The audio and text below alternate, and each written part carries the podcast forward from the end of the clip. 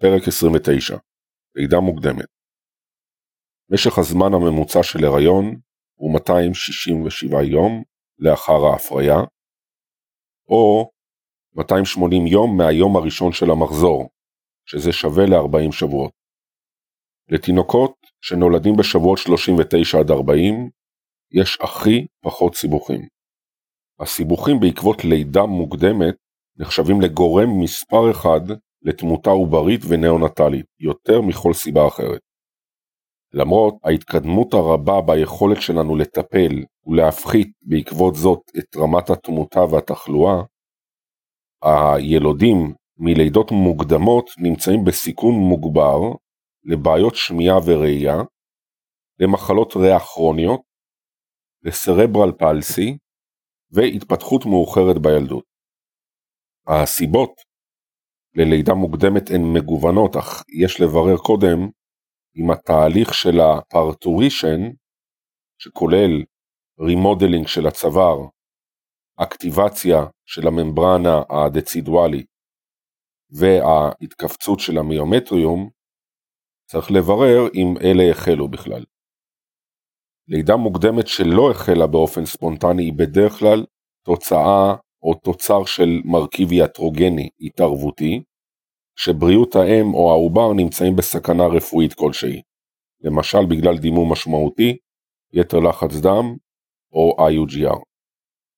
הגדרות לידה מוקדמת מדובר בלידה לאחר שבוע 20 ולפני שבוע 37, ללא תלות במשקל הילוד. LBW זה Low Birth Weight זה תלוי משקל ולא בגיל ההיריון, מדובר במשקל מתחת ל-2500 גרם. VLBW, Very Low Birth Weight, מדובר במשקל מתחת ל-1500 גרם. ELBW זה Extremely Low Birth Weight, מתחת ל-1000 גרם. SGA זה small for gestational age, מדובר במשקל מתחת לאחוזון 10 בלידה עצמה. LGA זה large for gestational age, מדובר באחוזון מעל 90 במשקל בלידה עצמה. כשאנחנו מתייחסים לעובר כפריטרם או פרימצ'ור, מדובר בילוד שנולד לפני שבוע 37, כלומר 259 יום מהיום הראשון של הווסת, או 245 יום מההפריה. ההגדרות לפי שבועות 20 ו-37, המשמעות שלהן היא היסטורית ולא רפואית. ילודים בשבועות 36, 37, 38 נמצאים בסיכון מוגבר לתחלואה ארוכת טווח, על רקע חוסר בשלות של מערכת או איבר שעדיין אינם בשלים לגיל ההיריון, או בעצם לגיל הלידה. גורמי הסיכון האטיולוגיות וסיכון ללידה מוקדמת בשבועות 16 עד 19 אינם שונים כלל מאלה שבשבועות 20 עד 25. לפי האקוג וה-SMFM קיימות הגדרות חדשות. הצורך בהגדרות כאלה בא להדגיש את השפעת גיל ההיריון על תחלואת הילוד. הם עשו הבחנה בין מה שנקרא late preterm ו-early term. late preterm מדובר על טווח זמן בין שבוע 34 לשבוע 36 פלוס 6 ימים, ו-early term זה משבוע 37 בדיוק עד שבוע 38 ו-6 ימים. ההבנה שחלק מהילודים שנולדים לאחר שבוע 37 אינם לגמרי בשלים, ושחלק מהלידות לפני שבוע 20 נובעות בעצם מאותן סיבות שגורמות בשלב מאוחר יותר ללידה מוקדמת, הביאה להגדרות חדשות כאלה. שכיחות לידות מוקדמות ומשקל נמוך לפי ה-WHO, 9.6% מסך הלידות בשנת 2005 בכל העולם היו לידות מוקדמות. השכיחות הייתה הכי נמוכה באירופה, 6.2%, והכי גבוהה באפריקה, 11.9%. צפון אמריקה היא השנייה, 10.6%.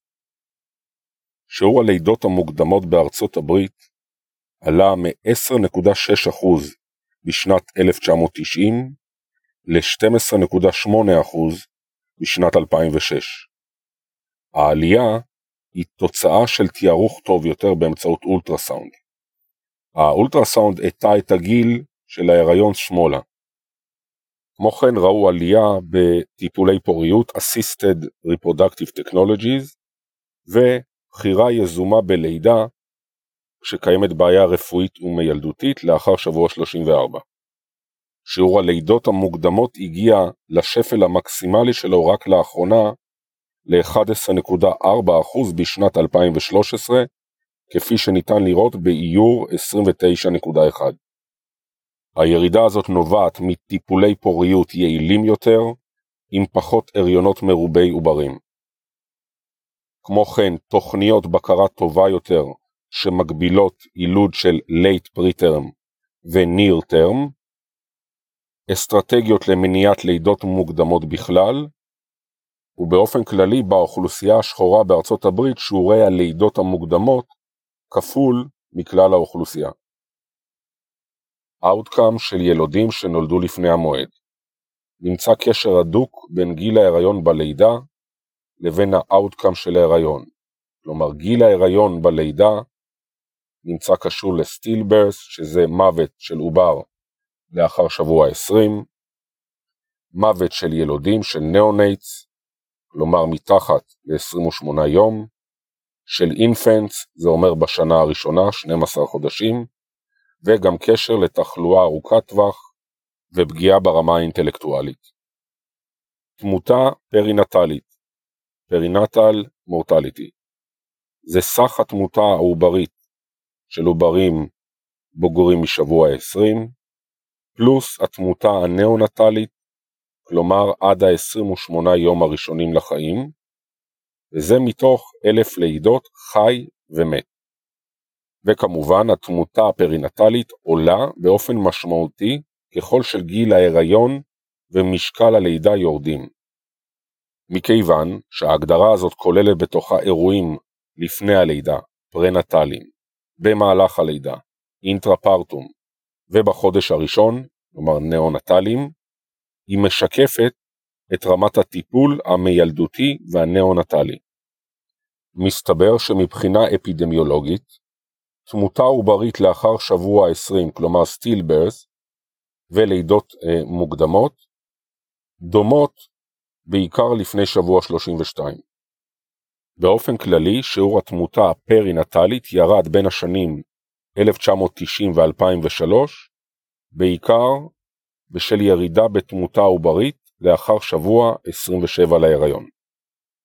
Infant Mortality Rate כאן כבר לא מדובר על נאונטס, מדובר על שיעור התמותה מהלידה ועד גיל שנה, מתוך אלף לידות חי.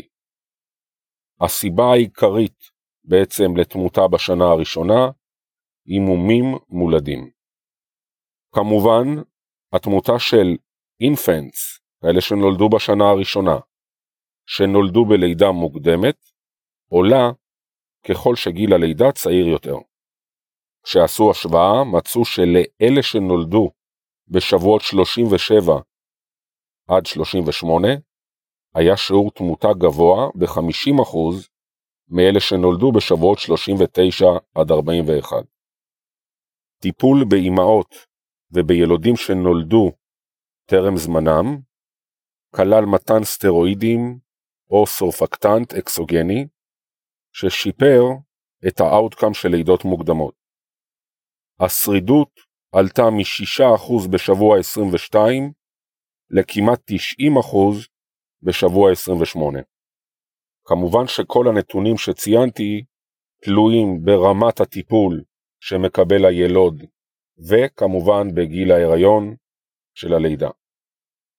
ניתן לנבא טוב יותר ובצורה מדויקת יותר את ה-outcome אם לוקחים בחשבון פרמטרים כמו הריון יחיד מול הריון מרובה עוברים, מין של העובר, האם ניתן טיפול בסטרואידים, המשקל בלידה, וכל אלה בעצם בנוסף לגיל הריון. תחלואה פרינטלית פגים נמצאים בסיכון למחלות ספציפיות בשל חוסר בשלות של איברים או מערכות מסוימות, ובעצם גם להשלכות או לסיבה עצמה של הלידה המוקדמת. הסיבוכים השכיחים או התחלואה השכיחה RDS, Respiratory Distress Syndrome, IVH, שזה Intraventricular Hemorrhage, ברונכו-פולמונרי דיספלזיה, מסומן כ-BPD, פטנט דוקטוס ארטריוזוס, PDA, necrotizing enterocolitis, מסומן כ NEC, ספסיס, apnea ו retinopathy of prematurity. שיעור התחלואה מושפע בעיקר מגיל ההיריון, אך מושפע גם ממשקל הלידה, ממספר הילודים, מיקום גיאוגרפי, זמינות, נגישות לטיפול נמרץ של פגים, בגורם ובסיבה העוברית או האמהית ללידה מוקדמת. השכיחות כמובן שעולה ככל שגיל ההיריון קטן ובמיוחד מתחת לשבוע 30. Outcome לטווח הארוך מחלת ריאה כרונית, Intraventricular Hemorrhage דרגה 3 או 4, נמצא גם קשור לסרברל פלסי, נק, הפרעות בראייה ובשמיעה, כשבגדול עבודות לטווח ארוך הראו עלייה בשיעור של CP, הפרעות נוירוסנסוריות, ירידה בקוגניציה ובתפקוד מוטורי, והפרעות קשב וליקויי למידה. ההפרעות הכרוניות מופיעות בעיקר באלה שנולדו לפני שבוע 26. בעבודה מאנגליה, 78% מתוך 308 כאלה ששרדו לידה לפני שבוע 25, המשיכו מעקב, ובהמשך הושבו לבני כיתתם. כמעט לכולם הייתה איזושהי רמת נכות בגיל 6, שזה אומר 22% עם הפרעה נוירו-קוגניטיבית קשה, שזה אומר CP או IQ עם חריגה של יותר משלוש סטיות תקן מתחת לממוצע, עיוורון ואפילו חרשות. ל-24% הפרעה בדרגה בינונית, ל-34% הפרעה קלה, ורק 20% ללא הפרעה כלל. אפידמיולוגיה של לידה מוקדמת הדבר הראשון שצריך לזהות במסגרת ההבחנה של לידה מוקדמת זה האם החלה באופן ספונטני או שקיים טריגר כלשהו. תהליך ספונטני, כלומר Spontaneous Preterm Parturition, יתבטא בשלושה דברים.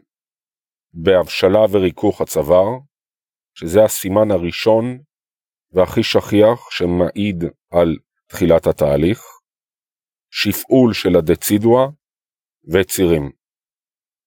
בנשים שילדו ספונטנית בין שבועות 28 ל-36, אורך הצוואר בין שבועות 22 ל-24 כבר היה קצר באופן משמעותי, וזה מעיד על התקצרות צוואר עוד לפני שבוע 24.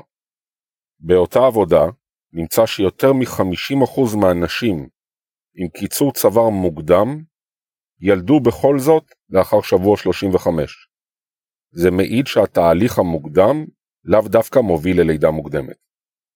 לנשים עם סימנים ללידה מוקדמת, בדרך כלל יש רקע דמוגרפי של אחד או יותר מאלה המוצגים בטבלה 29-1.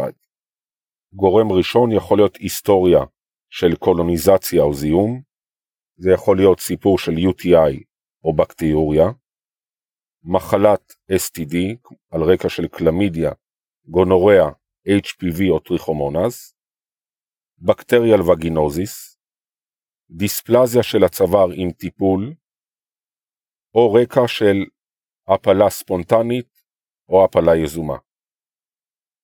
אוכלוסייה שחורה זה גורם סיכון, דימום שהמקור שלו לא הותר במהלך הריון, היסטוריה של לידה מוקדמת ספונטנית בעבר, אנומליה של הרחם, אם מדובר פה בהיריון IVF, הריון של Assisted Reproductive Technology, הריון מרובה עוברים, עישון, שימוש בסמים, משקל נמוך של האם עם BMI קטן מ-19.6 או משקל גבוה עם BMI מעל 30, מחלת חניכיים פרי-אודונטלית, רמת השכלה נמוכה, שכר נמוך ובכלל רקע סוציאלי נמוך, מעקב הריון דל, או אפילו באופן כללי סטרס על האישה בהיריון. חשוב להדגיש שבערך ל-50% מהנשים שיולדות מוקדם אין כלל גורמי סיכון ברורים. בטבלה 29.2, בניגוד לטבלה 29.1, מופיעים הנתונים הדמוגרפיים לנשים שנחליט בהן לבצע לידה אה, מוקדמת בצורה יזומה בגלל שאין תועלת להמשך ההיריון. זה עשוי להיות רלוונטי בנשים שיש להן יתר לחץ דם כרוני, שהאיזון לאו דווקא ימנע התפתחות של רעלת, בניגוד למשל לנשים יש להן סוכרת שרק צריך לבצע איזון של הסוכר ולתת להן ללדת במועד. אם כך, כפי שמופיע בטבלה 29.2, מצב של סוכרת שאובחנה לפני או במהלך ההיריון, מצב של יתר לחץ דם אקוטי או כרוני אה, עשוי להיות אה, התוויה בעצם ללידה מוקדמת יזומה, כמובן אקוטי כשיש בעצם רעלת. אה, מצבים מילדותיים או סיכון במהלך ההיריון הזה או בהיריון קודם כמו רעלת, כמו ניתוח על הרחם, ניתוח קיסרי שבוצע בחתך עורקי או בחתך T, ICP, Cholestasis of Pregnancy, והפרעות של שליה כמו שליית פתח והיפרדות שליה.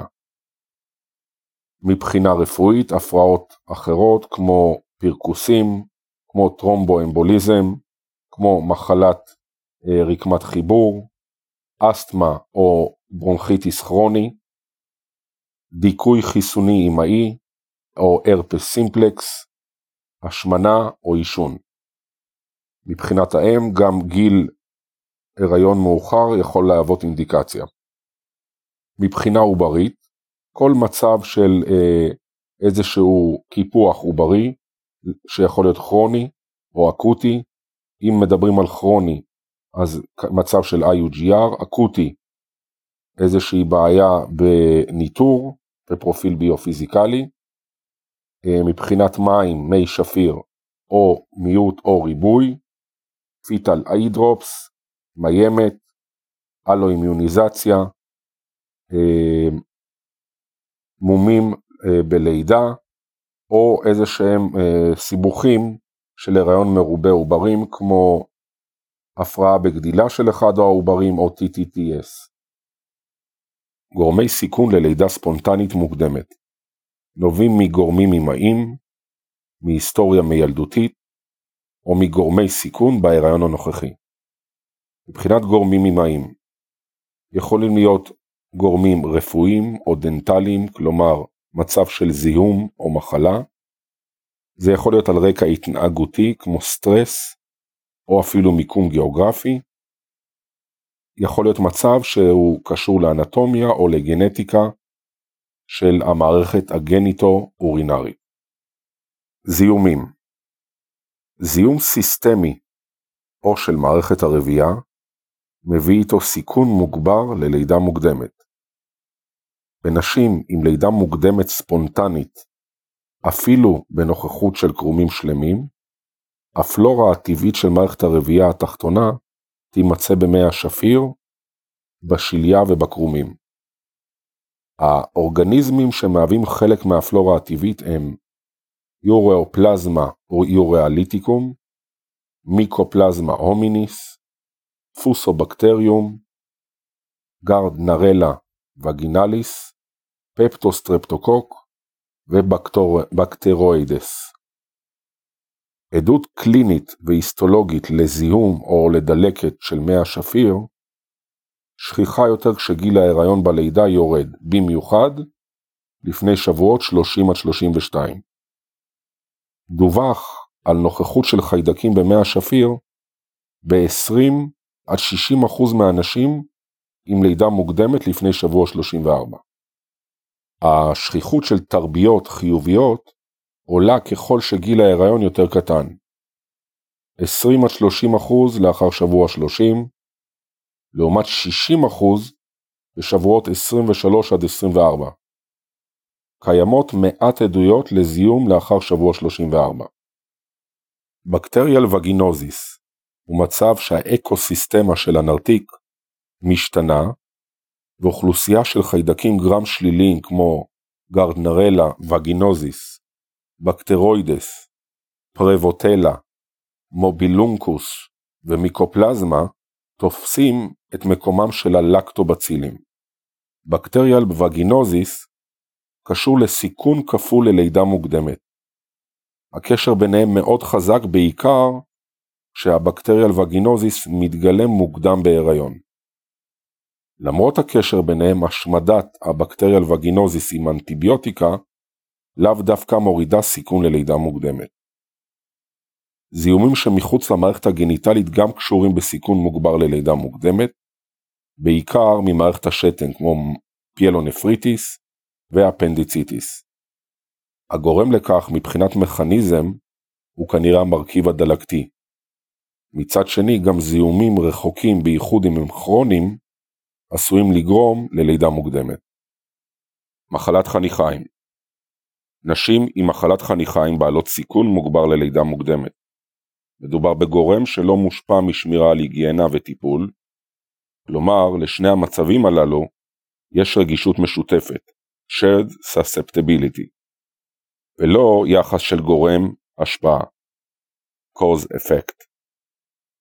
דבר נוסף, מערכת העיכול ומערכת השתן והרבייה מהוות אתר מצוין לקולוניזציה של חיידקים. בעצם זה מרכיב משותף להגנה חיסונית. לכן אין זה מפתיע שלשניהם יש מכנה משותף מבחינת גורם סיכון. גורמים גניטו-אורינריים גורם ראשון, אורך צוואר הרחם.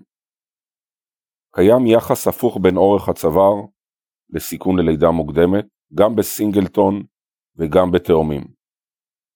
כשבשבועות 22 עד 24 אורך הצוואר פחות מ-25 מילימטר מוגדר כאחוזון 10, יש פי 6.5 סיכון ללידה מוקדמת לפני שבוע 35, ופי 7.7 סיכוי ללידה מוקדמת לפני שבוע 32, בהשוואה לנשים עם אורך צוואר שנמצא באחוזון מעל 75%. רק חשוב לציין שמדידות לפני שבוע 16 אינן רלוונטיות כי קשה להבדיל בין הצוואר לסגמנט התחתון. מדד החציון לאורך צוואר הוא 35 מילימטר בשבועות 24 עד 28. באישה עם היסטוריה של לידה במועד, הסיכוי ללידה מוקדמת שאורך צוואר מתחת ל-25 מילימטר הוא בסך הכל 8%.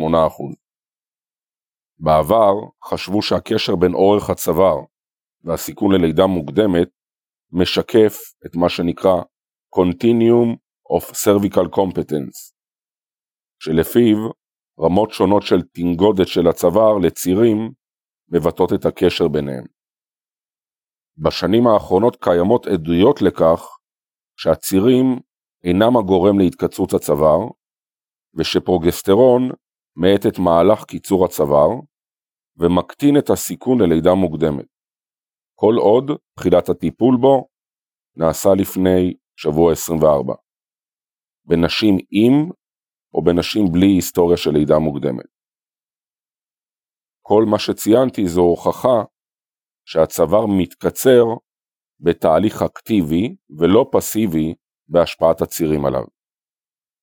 פעולות על הצוואר קוניזציה ו LEEP, loop electrosurgical excision procedure, הם גורמי סיכון ללידה מוקדמת. מטה-אנליזה האחרונה הראתה שבנשים עם היסטוריה של פעולת LEEP, שהשוו אותם לנשים עם דיספלזיה צווארית ללא כריתה צווארית, הסיכון שלהם ללידה מוקדמת היה דומה. כלומר, הגורמים שלהם משותפים. מומים רחמיים מולדים, Müllerian fusion defects, יכולים להשפיע על הצוואר, על גוף הרחם או על שניהם.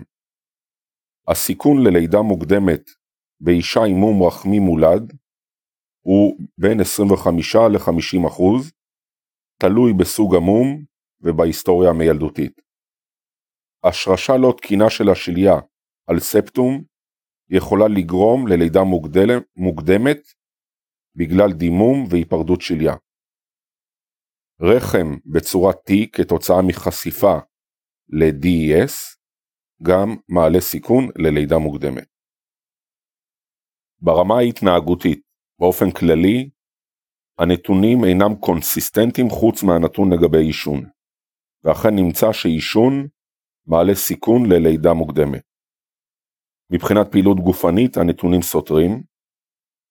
מבחינת משקל, שההתייחסות היא למשקל לפני ההיריון, כש-BMI הוא נמוך מתחת ל-19.8 זה גורם סיכון ללידה מוקדמת. השמנת יתר לפני ההיריון מעלה סיכון, בעיקר לפגות קיצונית. צריכת דגים פעם או פעמיים בחודש מורידה סיכון, אבל חשוב לזכור שלא נמצאו תוספי מזון שעשויים להוריד סיכון ללידה מוקדמת.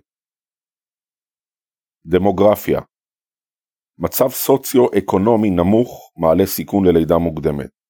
כלומר, עוני, רמת השכלה נמוכה, זמינות גיאוגרפי לא טובה לשירותי בריאות, כל אלה יכולים להביא ללידה מוקדמת. גם סטרס ודיכאון נמצאו קשורים ללידה מוקדמת, אך רמת הקשר היא בינונית, ללא הסבר ברור מבחינת מכניזם. בטבלה 29.1 מוצגת בצורה מאוד ברורה רמת הסיכון ללידה מוקדמת בהתאם לרמת ההשכלה ולפי קבוצת גזע. רואים שרמת השכלה נמוכה של פחות משמונה שנים עבור כל קבוצות הגזע מביאה איתה סיכון הכי גבוה ללידה מוקדמת, לעומת הקבוצה של למעלה מ-16 שנה השכלה. עבור כל הקבוצות. בטבלה 29-2 אפשר לראות שככל שמעקב ההיריון דל יותר, הסיכון ללידה מוקדמת גדול יותר עבור כל הקבוצות האתניות. בכדי לסכם את המרכיב הדמוגרפי, אז מבחינת השכלה, יש סיכון כמעט כפול לנשים עם רמת השכלה נמוכה, לעומת נשים משכילות עבור כל קבוצות הגזע האתני. נשים שחורות, באופן כללי, נמצאות בסיכון כמעט כפול ללידה מוקדמת, ללא קשר לגורמים אחרים. גנטיקה נשים שנולדו בעצמן בלידה מוקדמת, רמת הסיכון שלהן ללידה מוקדמת ביחס הפוך לגיל ההיריון שבו היא נולדה. ה-odds ratio לאישה שנולדה בשבוע 36 הוא 1.18, לעומת 2.38 לאישה שנולדה בשבוע 30. בהריונות תאומים הקורלציה בהריונות מונוזיגוטים הייתה גבוהה משל דיזיגוטים, מבחינת אורך ההיריון, גיל ההיריון בלידה ומבחינת לידה מוקדמת.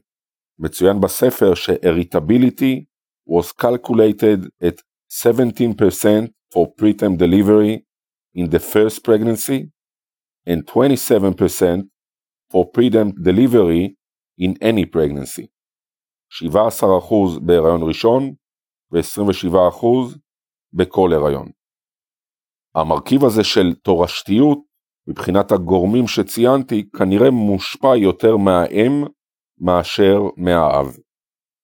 כשעשו אנליזה של עצי שושלת משפחתיים, גילו שכנראה הדפוסים לתורשה של לידה מוקדמת הם uh, מנוהלים או מתנהלים לפי תורשה שאינה מנדליאנית, אלא אה, צורה פוליגנית, כלומר מעורבות של גנים מרובים. ארבעה גנים נמצאו קשורים בסיכון ללידה מוקדמת. גן ראשון נקרא FSHR, זה Follicle Stimulating Hormone Receptor, השני זה הגן של IGF-1R, Insulin Like Growth Factor 1 Receptor, השלישי הוא פרוטאין קול 52, 52, והרביעי זה הסרפין B2, סרפין פפטידז איניביטור קלייד B ממבר 2. עם זאת, עדיין לא קיים יישום קליני של הידע הגנטי הזה. היסטוריה מילדותית זהו הגורם סיכון החזק ביותר. לידה קודמת בשבועות 16 עד 36 מעלה את הסיכון פי 1.5 עד 2. אך זה גם תלוי במספר, בסדר של הלידות וגיל ההיריון בלידות המוקדמות הקודמות. לידת תאומים שהייתה מוקדמת תעלה סיכון ללידה מוקדמת בהיריון סינגלטון אם גיל ההיריון בלידת התאומים היה מתחת לשבוע 34. הסיכון הוא מינימלי אם לידת התאומים התרחשה לאחר שבוע 34. לידת תאומים לפני שבוע 30 מעלה סיכון ללידה מוקדמת ב-40%. מוות עוברי והריונות שהסתיימו בשבועות 16 עד 20 מעלים סיכון ללידה מוקדמת. הפסקת הריון בהריון קודם גם היא מעלה, בעיקר כתוצאה מהרחבת צוואר, אם בוצע גרידה או אם היו כאלה מספר פעמים. הפלה ספונטנית באופן כללי או הפלה יזומה מעלות סיכון ללידה מוקדמת. באיור 29-8 אפשר לראות שלקחו 19,000 נשים שהיו להן שתי לידות בעבר. הסתכלו על מועד הלידה שלהן ולפי זה קבעו או הגדירו את הסיכון שלהן ללידה מוקדמת. בחלק השמאלי אנחנו רואים שנשים עם שתי לידות מאוד מוקדמות, מה שהוגדר כ-very ו-very preterm בשניהם, הסיכון ללידה מוקדמת עמד על 57%. בצד ימין אנחנו רואים את הנשים שילדו במועד בשתי הלידות, להן יש סיכון ללדת בלידה מוקדמת של 5% בלבד. גורמי סיכון ללידה מוקדמת בהיריון נכוחי אופן הכניסה להיריון משפיע על סיכון ללידה מוקדמת, טיפולי IVF מעלים סיכון ללידה מוקדמת לא בגלל הנטייה להריונות מרובי עוברים, אלא בגלל שיעור מוגבר ללידות מוקדמות סינגלטון בכלל. בגדול, טיפולי פוריות מעלים פי שניים סיכון ללידות מוקדמות סינגלטון. הם גם מעלים פי שניים סיכוי לילודים SGA, low uh, birth weight, מה שנקרא LBW, ו-very low birth weight, VLBW. שכיחות לידות מוקדמות זהה בהיריון תאומים על רקע IVF לעומת ספונטני. רק שלא ממש ברור מדוע יש יותר לידות מוקדמות בסינגלטון לאחר טיפולים. סיבות נוספות שהוצאו כגורם, קולוניזציה של מערכת הרבייה העליונה, סטרס מוגבר בזוגות עם בעיות פריון, תופעות לוואי של השראת ביוץ, ועלייה בשכיחות מומים באוכלוסייה של האנשים הללו. גורם נוסף, דימום ו-vanishing twin במהלך ההיריון. בכלל דימום שנמשך מעבר לטרימסטר ראשון מעלה סיכון ללידה מוקדמת, הסיכון הזה עולה ככל שיש יותר אפיזודות של דימום. גם vanishing twin והעלייה ב maternal serum alpha fetoprotein מעלים סיכון ללידה מוקדמת. גורם סיכון נוסף בהיריון, שיש הריון מרובה עוברים ורחם ב overdistension. יותר מ-50% מהתואמים נולדים לפני שבוע 37. הרחבת יתר של הרחם היא גורם סיכון ללידה מוקדמת. כפי הנראה לא הרחבת היתר של הרחם, אלא גם נטייה יותר לסיבוכים, בהריונות מרובי עוברים. יש יותר IUGR, יש יותר מומים עובריים, יש יותר בעיות לחץ דם, סיכון מוגבר להיפרדות שליה ומצוקה עוברית. במונוקוריונים יש סיכון גבוה יותר לעומת דיקוריונים ל-IUGR ותמותה. יש להם גם יותר נטייה לנק ותחלואה נוירולוגית. לא ממש ברור כמה אחוז מהם אה, אלה לידות מוקדמות יזומות או ספונטניות. תוספת לא מהספר נתונים על לידות תאומים לידה לפני שבוע 32 ב-12% מהמקרים, לידה לפני שבוע 37 58%, שגיל לידה ממוצע הוא בערך 35 שבועות, משקל לידה מתחת ל-1500 גרם ב-10% מהמקרים, ומתחת ל-2.5 קילו ב-55%.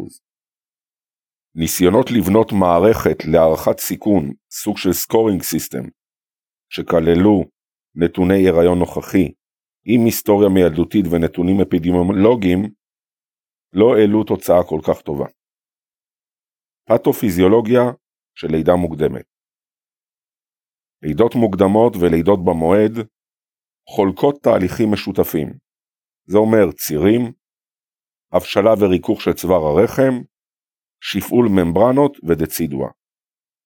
אולם, התהליכים שמפעילים את הלידה במועד הם תהליכים פיזיולוגיים, ואילו אלו שבלידה מוקדמת הם פתולוגיים. הגורם שאחראי על השפעול של התהליך יכול לגרום לגיוס אסינכרוני של כל מרכיב. אי ספיקה צווארית זה השפעה על המרכיב הצווארי, צירים זה השפעה על המיומטריום, ופיפרום זה השפעה על הקרומים. אם כך, שפעול סינכרוני מוקדם מתאר מצב של לידה מוקדמת ללא ירידת מים. תהליך הפרטורציה הנורמלי מתקדם במשך שבועות עוד טרם מתחיל תהליך הלידה עצמו. לפני שבוע 30 עד 32 צריך סטימולוס או טריגר פתולוגי יותר בכדי להתחיל לידה, וזה בהשוואה לשבוע מאוחר יותר של למשל היפרדות, היא כוונה להיפרדות שליה או זיהום. תהליך הפרטורציה הוא תהליך ממושך כפי שציינתי, נמשך תקופה ארוכה וכולל שינויים בצוואר הרחם, עלייה בהתכווצות הרחם והופעה של פיברונקטין בהפרשות צוואריות נרתיקיות. זה יכול להעיד על הרס של חומר חוץ תאי ובעצם הפעלה של הדצידואה והממברנות. אם נסכם את זה אפשר לומר שלידה רגילה היא פרטורציה פיזיולוגית, לידה מוקדמת היא פרטורציה פתולוגית מלאה או חלקית. סיגנל של בשלות עוברית ללידה fetal maturity based signal מקורו בהיפותלמוס העוברי, הוא גורם להפרשה מוגברת של CRH, שמעודד הפרשה של CACTH וייצור של קורטיזול על ידי בלוטת האדרנל. זה משפעל מה שנקרא common pathway of parturition. תרומת העובר לתחילת תהליך לידה מוקדמת היא על ידי תהליך דלקתי. זה מה שנקרא fetal inflammation response syndrome וזה יתואר בהמשך. לידה מוקדמת ספונטנית, כלומר preterm birth, זו תסמונת שכוללת בתוכה לידה מוקדמת, כלומר preterm labor, שזה כל הדינמיקה והתהליך, פיפרום, מחיקה ופתיחה מוקדמת של צוואר הרחם. בעצם התהליך קורה ללא התפתחות של לידה אמיתית. חלק מהגורמים הם גורמים אקוטיים, למשל היפרדות שליה אקוטית לאחר חבלה, וחלק מהם תהליך יותר ממושך שנמשך מספר שבועות עוד לפני שבועות 30 עד 32. בדרך כלל, לפני השבועות האלה הסטימולוס להתחלת לידה מוקדמת הוא פתולוגי בעיקר. כלומר, לאחר שבוע הזה, הסטימולוס יש שילוב של מרכיב פתולוגי ופיזיולוגי, כלומר יכול להיות היפרדות שליה, זיהום וכולי. אם לא ציינתי קודם לכן, הופעה של פיברונקטין בהפרשה הצווארית או הנרתיקית זה דבר שיכול להעיד על הרס של החומר החוץ תאי האקסטרה סלולרי, מה שמעיד על הפעלה של הדצידואה והממברנות. שינויים בצוואר הרחם, הבשלה וריכוך. צוואר הרחם הוא מבנה קריטי לשמירה על ההיריון. הוא מהווה סוג של מחסום פיזי שחייב להישאר שלם לאורך ההיריון. תהליך ההבשלה שלו אינו נחשב לתהליך אקוטי, הוא נמשך מספר שבועות וכולל בתוכו שינויים ביוכימיים וביומכניים. חשוב לציין שהשינויים המולקולריים הם שונים מאוד כשמשווים בין תהליך הבשלה עם אופי פיזיולוגי לתהליך עם אופי פתולוגי. למרות שקולגן הוא המרכיב העיקרי שמעניק לצוואר הרחם את המתח והקשיחות שלו, לגג, לגליקוז אמינוגליקן, יש חשיבות רבה לתכונות הוויסקו-אלסטיות של רקמת הצוואר. הגג הוא פוליסחריד בלתי מסועף, שמהווה מרכיב הכרחי של המטריקס החוץ-תאי, ויש לו מספר תפקידים. הוא קובע את תוחלת החיים של הרקמה, ומייצב את המבנה של המטריקס החוץ-תאי, ה-ECM. בנוסף, פרוטואוגליקנים קטנים משולבים בלאוצין, שבעצם זה אה, שילוב של גג עם חלבון, משהו שנקרא דקורין, נמצאים באינטראקציה עם פקטורי גדילה ומתווכי דלקת. ה-tight junctions של אה, תאי האפיטל בצוואר הרחם מספקים תמיכה מבנית ומווסתים מעבר של נוזלים. בגדול, לאפיטל הצווארי יש מספר תפקידים, כולל פרוליפרציה, התמיינות, שמירה על מאזן נוזלים, הגנה מגורמים סביבתיים ומעבר פרסלולרי של מומסים דרך ה-tight junctions שציינתי. חייבת להיות בקרה קפדנית על הפונקציונליות של האפיתל כך שמולקולות ידועות כהכרחיות לשמירה על השלמות של הצוואר ועל התפקוד שלו הן מאוד משמעותיות במהלך הריון ופרטוריציה. התחלופה של ה extracellular matrix היא גבוהה, ובעקבות זאת עשויים להיות שינויים מהירים בתכונות הצוואר בכל רגע נתון. במהלך הבשלה של צוואר הרחם, יש אינפלקס, שטף, פנימה, של תאי דלקת, זה אומר מקרופגים, נוטרופילים, תאי מסט ואיוזינופילים, לתוך סטרומת הצוואר, שם מופרשים ציטוקינים ופרוסטגלנדינים שמשפיעים על המטאבוליזם של ה matrix החוץ-תאי. כמובן, הפרוסטגלנדינים משפיעים על הבשלת הצוואר באופן פיזיולוגי, ונעשה בהם גם שימוש פרמקולוגי לאותה מטרה. ההבשלה של הצוואר מושפעת גם מאסטרוגן, שגורם לפירוק קולגן ופרוגסטרון, שעושה את הפעולה ההפוכה ומונע את הפירוק של הקולגן.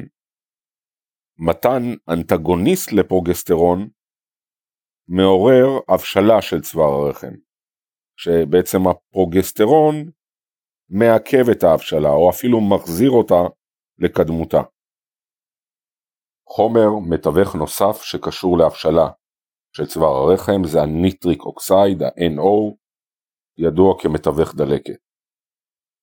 בגדול, לידה מוקדמת, לידה טרם המועד, זה תהליך שנמשך מספר שבועות ומתחיל קודם בהבשלה של הצוואר, הצוואר מתרכך, נהיה דק, ובאולטרסאונד אנחנו רואים מין משפחיות וקיצור של הצוואר.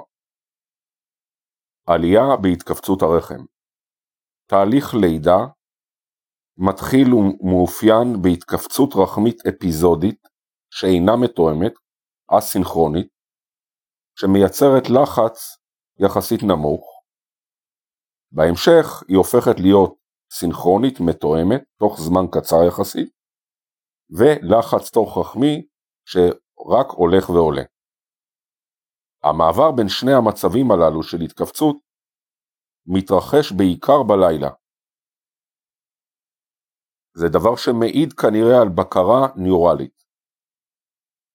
המצב הזה יכול להופיע בצורה לא מסונכרנת, אפילו כתוצאה של טריגר כמו דלקת אמהית, או איזשהו ניתוח בטני, או אפילו איזשהו צום.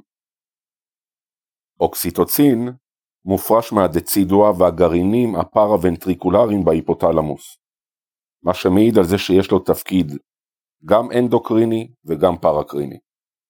ריכוז האוקסיטוצין בפלזמה משקף את ההתכווצות של הרחם, מה שמעיד כנראה שהאוקסיטוצין לוקח חלק בתיווך או מתווך בעצמו את התכווצות הרחם במהלך היממה. מרכיב נוסף של הלידה הוא תקשורת תאית. זה מתבטא ביצירה של gap junctions שמתפתחים במיומטריום לפני הלידה ונעלמים אחריה. היווצרות ונוכחות חלבון קונקסין 43 זהה במיומטריום של לידה מוקדמת, כשמשווים את זה למיומטריום של לידה במועד.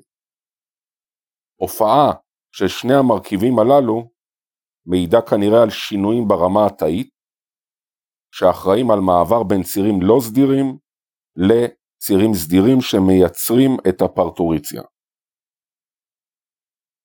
מצאו שאסטרוגן, פרוגסטרון ופרוסטגלנדינים עושים בקרה על ההיווצרות של ה gap junctions ואפילו על החלבון connexin 43. יש בכלל עבודה שהראתה שקיים סוג ספציפי של חלבונים שמשתתף בתהליך הזה של הפרטוריציה או בצירים שנקרא Contraction Associated Protein. אקטיבציה של הדצידואה הדצידואה האימהית והרקמות הסמוכות עוברים שינויים בשבועות האחרונים של ההיריון שיובילו לירידת מים ספונטנית. שיפול מוקדם של המכניזם הזה עשוי להוביל לירידת מים מוקדמת לפיפרום. בגדול, פיפרום מופיע ב-40% מהלידות המוקדמות, כתהליך בעצם שמקדים את תהליך הלידה. למרות שפקיעת הקרומים בדרך כלל מתרחשת במהלך השלב הראשון של הלידה, יש עדויות היסטולוגיות שמראות מקרומים בעצם שנלקחו מלידות מוקדמות, שיש בהם פחות תכולה של קולגן מהסוגים 1, 3 ו-5, עלייה ברמת הביטוי של טנסין, שבדרך כלל מתבטא בתהליכי remodeling וריפוי פצעים, ואיזשהו שינוי או הפרעה בתבנית המבנית הגלית של קולגן.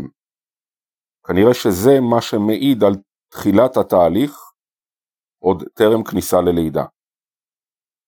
ה extracellular matrix מכיל בתוכו קולגן, שהתפקיד שלו לתת את האלמנט של החוזק או הכוח של הקרומים, והוויסקו-אלסטיות מיוחסת לחלבון שני שנקרא אלסטין. התמוססות של הדבק, הצמנט הזה בין המרכיבים, שהוא בעצם נקרא פיברונקטין, היא זאת שמאפשרת לממברנות של הדצידואה להיפרד לאחר הלידה, לאחר פליטת העובר. הדגרדציה של ה extracellular matrix מתבטאת בנוכחות של פיברונקטין, והיא מהווה חלק אינטגרלי מה-common pathway. בנוסף, נוכחות של פיברונקטין ו pathogen associated molecular patterns, או בקיצור PAMP, אם הם אה, נוכחים בהפרשות של הצוואר והנרתיק בשבועות 22 עד 37, זה מעיד על בעיה ב decidual chorionic interface, וזה עלייה בסיכון ללידה מוקדמת. המכניזם המדויק של שפעול הקרומים או הדצידואה אינו מובן לחלוטין, אך אה, אנזימים שעושים דגרדציה למטריקס אה, והפופטוזיס הם כנראה סוג של הסבר לתהליך הזה.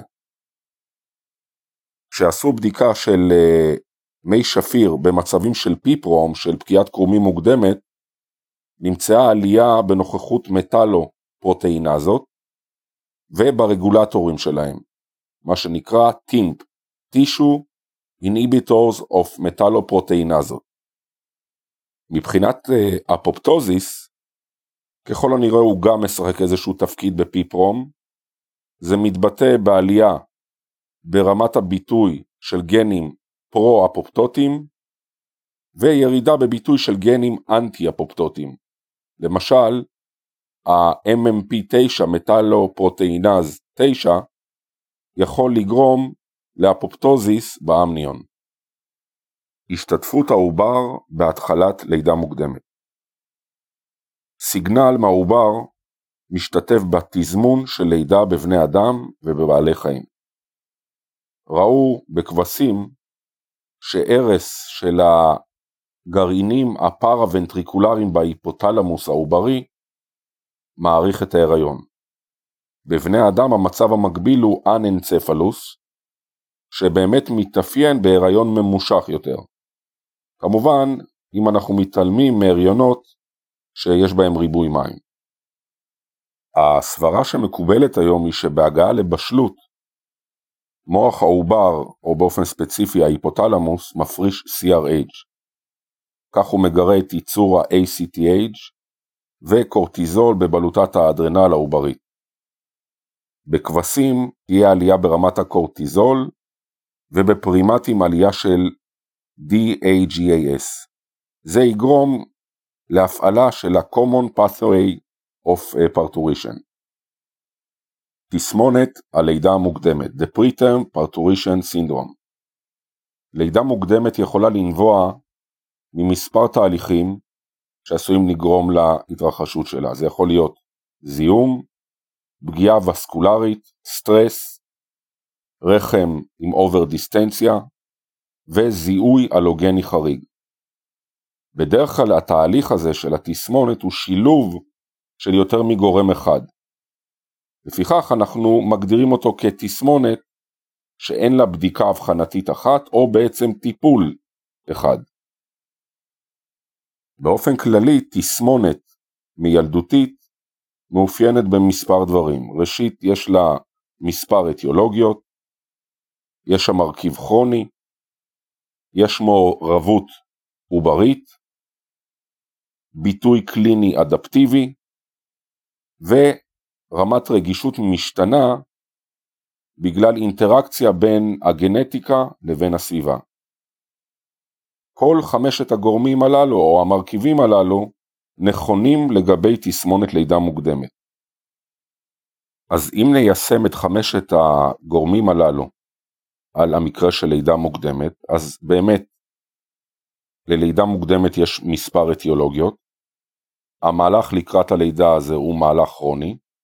מדובר בעצם על פרק זמן, על האינטרוול מזיהוי הקיצור צוואר, או העלייה בריכוז פיברונקטין בנוזל של הנרתיק, זה קורה בדרך כלל בטרימסטר שני, ועד להתפתחות ממשית של הלידה המוקדמת.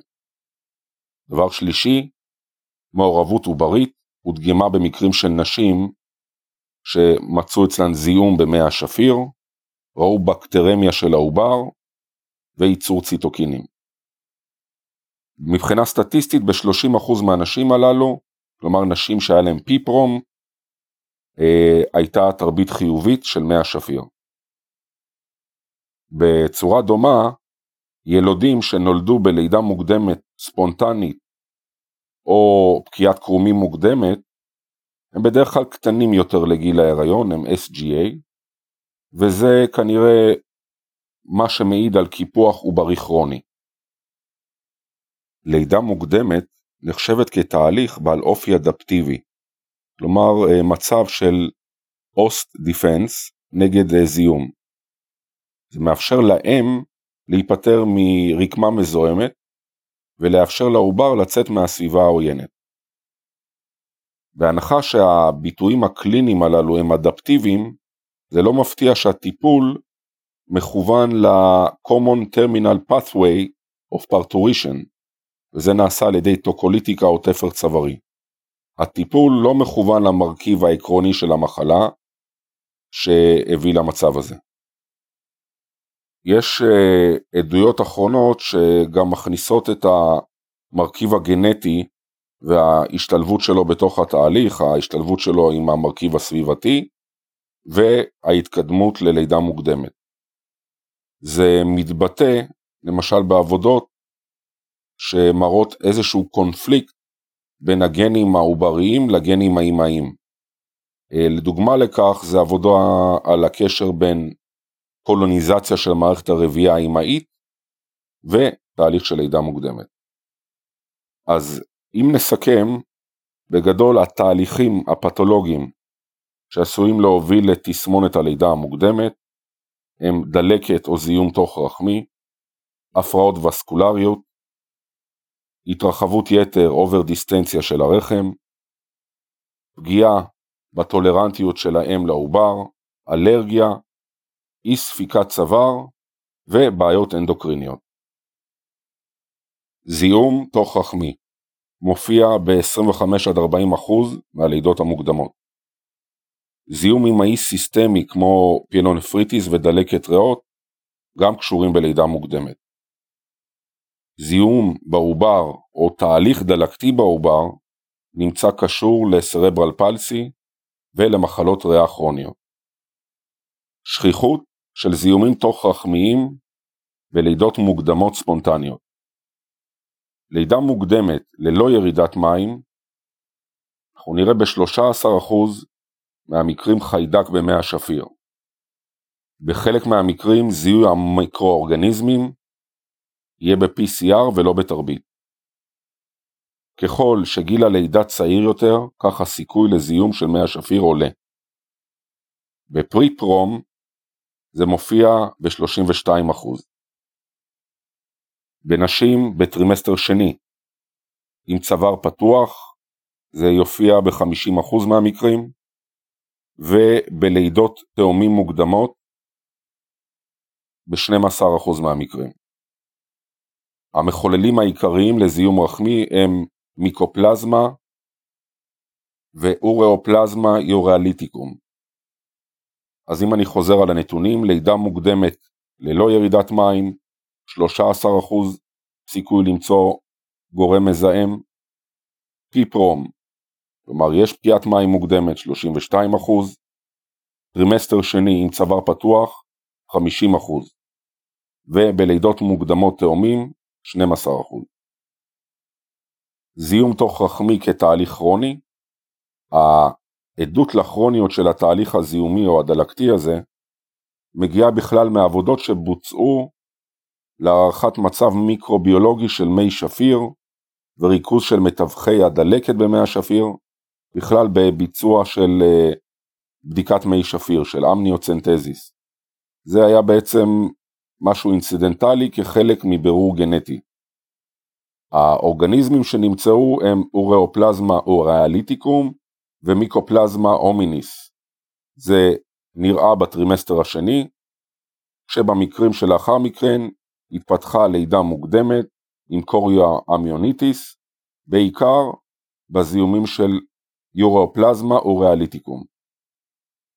אם מסתכלים על זה בראייה כללית, יש בכלל עלייה במרקרים של דלקת במי השפיר במהלך הטרימסטר השני בנשים שילדו בלידות מוקדמות טרם המועד. לפיכך, ומתבקש, אז אין ספק כנראה שקיים קשר בין נוכחות של זיהום או תהליך דלקתי להתפתחות לידה מוקדמת מספר שבועות אפילו לאחר מכן. ההשלכה הכי חמורה של המצב הזה היא התפתחות של זיהום בעובר עצמו. שיש זיהום ודאי במי השפיר, ב-33% מהעוברים נראה בקטרמיה. שאין חיידקים במי השפיר, רק ב-4% מהעוברים נראה בקטרמיה. אלה מצבים שנמדדו והוכחו על ידי קורדוצנטזיס.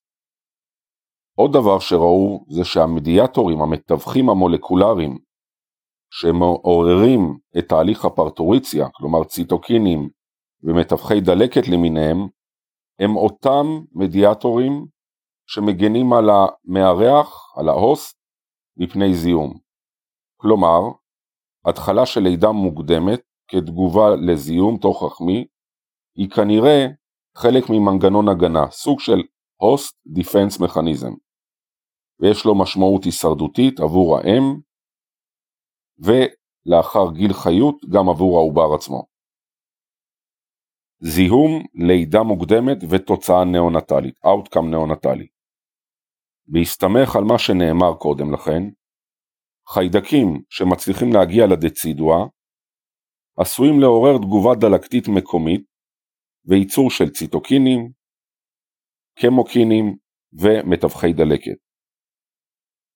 התהליך הזה שבהתחלתו הוא תהליך חוץ אמניוטי עשוי לגרום לצירים ולדינמיקה צווארית. משם התהליך הזה יכול להתפשט לכיוון מי השפיר ולבסוף להגיע לעובר. מיקרואורגניזמים מסוגלים לחדור ממברנות שלמות עד לתוך חלל האמניון, החלל האמניוטי. שם הם מעוררים מקרופגים שמייצרים מתווכי דלקת. החיידקים שיגיעו לעובר עשויים לגרום לתגובה סיסטמית דלקתית, מה שנקרא FIRS, Fetal Inflammatory Response Syndrome. היא מאופיינת בעלייה בריכוז של אינטרלאוקין 6, עם ציטוקינים אחרים, ועלייה בניוטרופילים ומונוציטים. הפירס היא תגובה תת-קלינית שתוארה במקור בנשים עם לידה מוקדמת, עם או בלי ירידת מים. לעוברים עם פירס יש נטייה כמובן גבוהה יותר לסיבוכים. קיימת מעורבות רב-מערכתית, אנחנו נראה עלייה בריכוז של מטאלו פרוטאינז MMP9, ניוטרופיליה, עלייה בכדוריות דם אדומות עם גרעין, לא בשלות, ועלייה ב-GCSF בעובר, ה granulocytes, colony stimulating factor. התמונה ההיסטולוגית הקלאסית, ה hallmark של FIRS, זה דלקת של חבל הטבור, funisitis או וסקוליטיס כרונית. התגובה הסיסטמית של FIRS עלולה לגרום לכשל רב-מערכתי, לשוק ספטי ואפילו למוות. הילודים נמצאים בסיכון מוגבר לסרברל פלסי, לספסיס וברונכופולמונרי דיספלזיה. כשיש תהליך דלקתי שלא מערב את הקרומים או הדצידואה, יכול להיות מצב שלא תתפתח לידה מוקדמת וההיריון הזה יגיע למועד. למשל, זה מצב שרואים כשיש אלו-אימוניזציה עם רמות גבוהות של אינטרלאוקין 6 בעובר, אבל אין התפתחות של לידה מוקדמת. אינטראקציה בין גנטיקה לסביבה העיקרון הזה מהווה בסיס להרבה פתולוגיות כמו מצבים של טרשת עורקים וסרטן.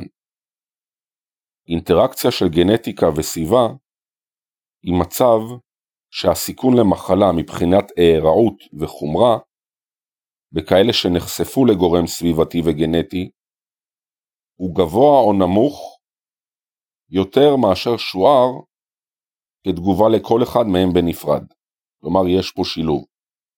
דוגמה לכך, הקשר בין בקטריאל וגינוזיס, האלל 2 ל-TNF אלפא ולידה מוקדמת. כפי שציינתי בתחילת הפרק, ידוע ש bacterial vaginosis הוא גורם סיכון ללידה מוקדמת, אבל מצד שני טיפול בו לא מונע התפתחות של לידה מוקדמת. נעשתה עבודה שהראתה שה-odds ratio של bacterial vaginosis הוא 3.3 והאלל 2 של TNF אלפא הוא 2.7, כמובן מבחינת סיכון ללידה מוקדמת. בנוכחות של שניהם ה-odds ratio הוא 6. לכן ניתן להניח שאינטראקציה בין גורמים סביבתיים לגנטיים מעלה סיכוי ללידה מוקדמת. uteroplacental ischemia ו decidual hemorrhage דימום מהדצידואה. במצבים שהיו לאחר דלקת, בשיליות שנאספו בין, מנשים עם לידות מוקדמות, ראו פתולוגיות וסקולריות אמהיות ועובריות. מבחינה אמהית, הלזיות שראו, או הפתולוגיות, ביטאו כשל בהפיכה פיזיולוגית של כלי הדם הספירליים, אתרוזיס וטרומבוזיס. מבחינה עוברית הייתה ירידה בארטריולות של הסיסים וטרומבוזיס. אחת התיאוריות שהוצאו מקשרת את הלזיות הווסקולריות ללידה המוקדמת באמצעות תהליך של איסקמיה שלייתית. זה מה שנקרא אוטרופלסנטל איסקמיה, וראו את זה בפרימטים. לפי התיאוריה הזאת, כשל בהפיכה הפיזיולוגית של כלי הדם הספירליים בסגמנט של המיומטריום בדומה לרעלת ו-IUGR, נצפה גם בנשים עם לידה מוקדמת, שלא הייתה להם פקיעת קרומים מוקדמת, ללא פיפרום. ואכן בנשים הללו נצפתה עלייה בתנגודת של העורק הרחמי בבדיקת זרימות דופלר. במקרה הזה המכניזם שאחראי על התפתחות פרטוריציה מוקדמת, במקרים האלה של איסקמיה, זה תהליך לא ממש ברור, אבל הסברה היא שהאיסקמיה של הרחם גורמת לעלייה בייצור של רנין מהקרומים העוברים, שבעקבותיו אנגיוטנסין 2 יכול לגרום להתכווצות של המיומטריום באופן ישיר, או דרך שחרור של פוסט-הגלנדינים. תהליך של נקרוזה של הדצידואה ודימום יכולים להתחיל לידה לגרום לפרטוריציה במנגנון של ייצור טרומבין, שמעודד התכווצות של הרחם באופן תלוי מינון. זה נקרא dose dependent manner. הטרומבין בתנאים של תרבית גם מעודד ייצור של MMP1, של UPA ו-TPA על ידי תאי סטרומה של האנדומטריום. ה-UPA זה urokinase type plasminogen activator, ו-TPA זה tissue type plasminogen activator. שלושת הגורמים האלה מסוגלים באופן ישיר או עקיף להקל, לעשות דגרדציה למטריקס החוץ-תאי של הממברנות. קומפלקס של טרומבין ואנטי טרומבין, שמהווה מרקר לייצור טרומבין בתנאי אין ויבו, נמצא ברמה מוגברת בפלזמה ובמי שפיר, בנשים עם לידה מוקדמת ופיפרום.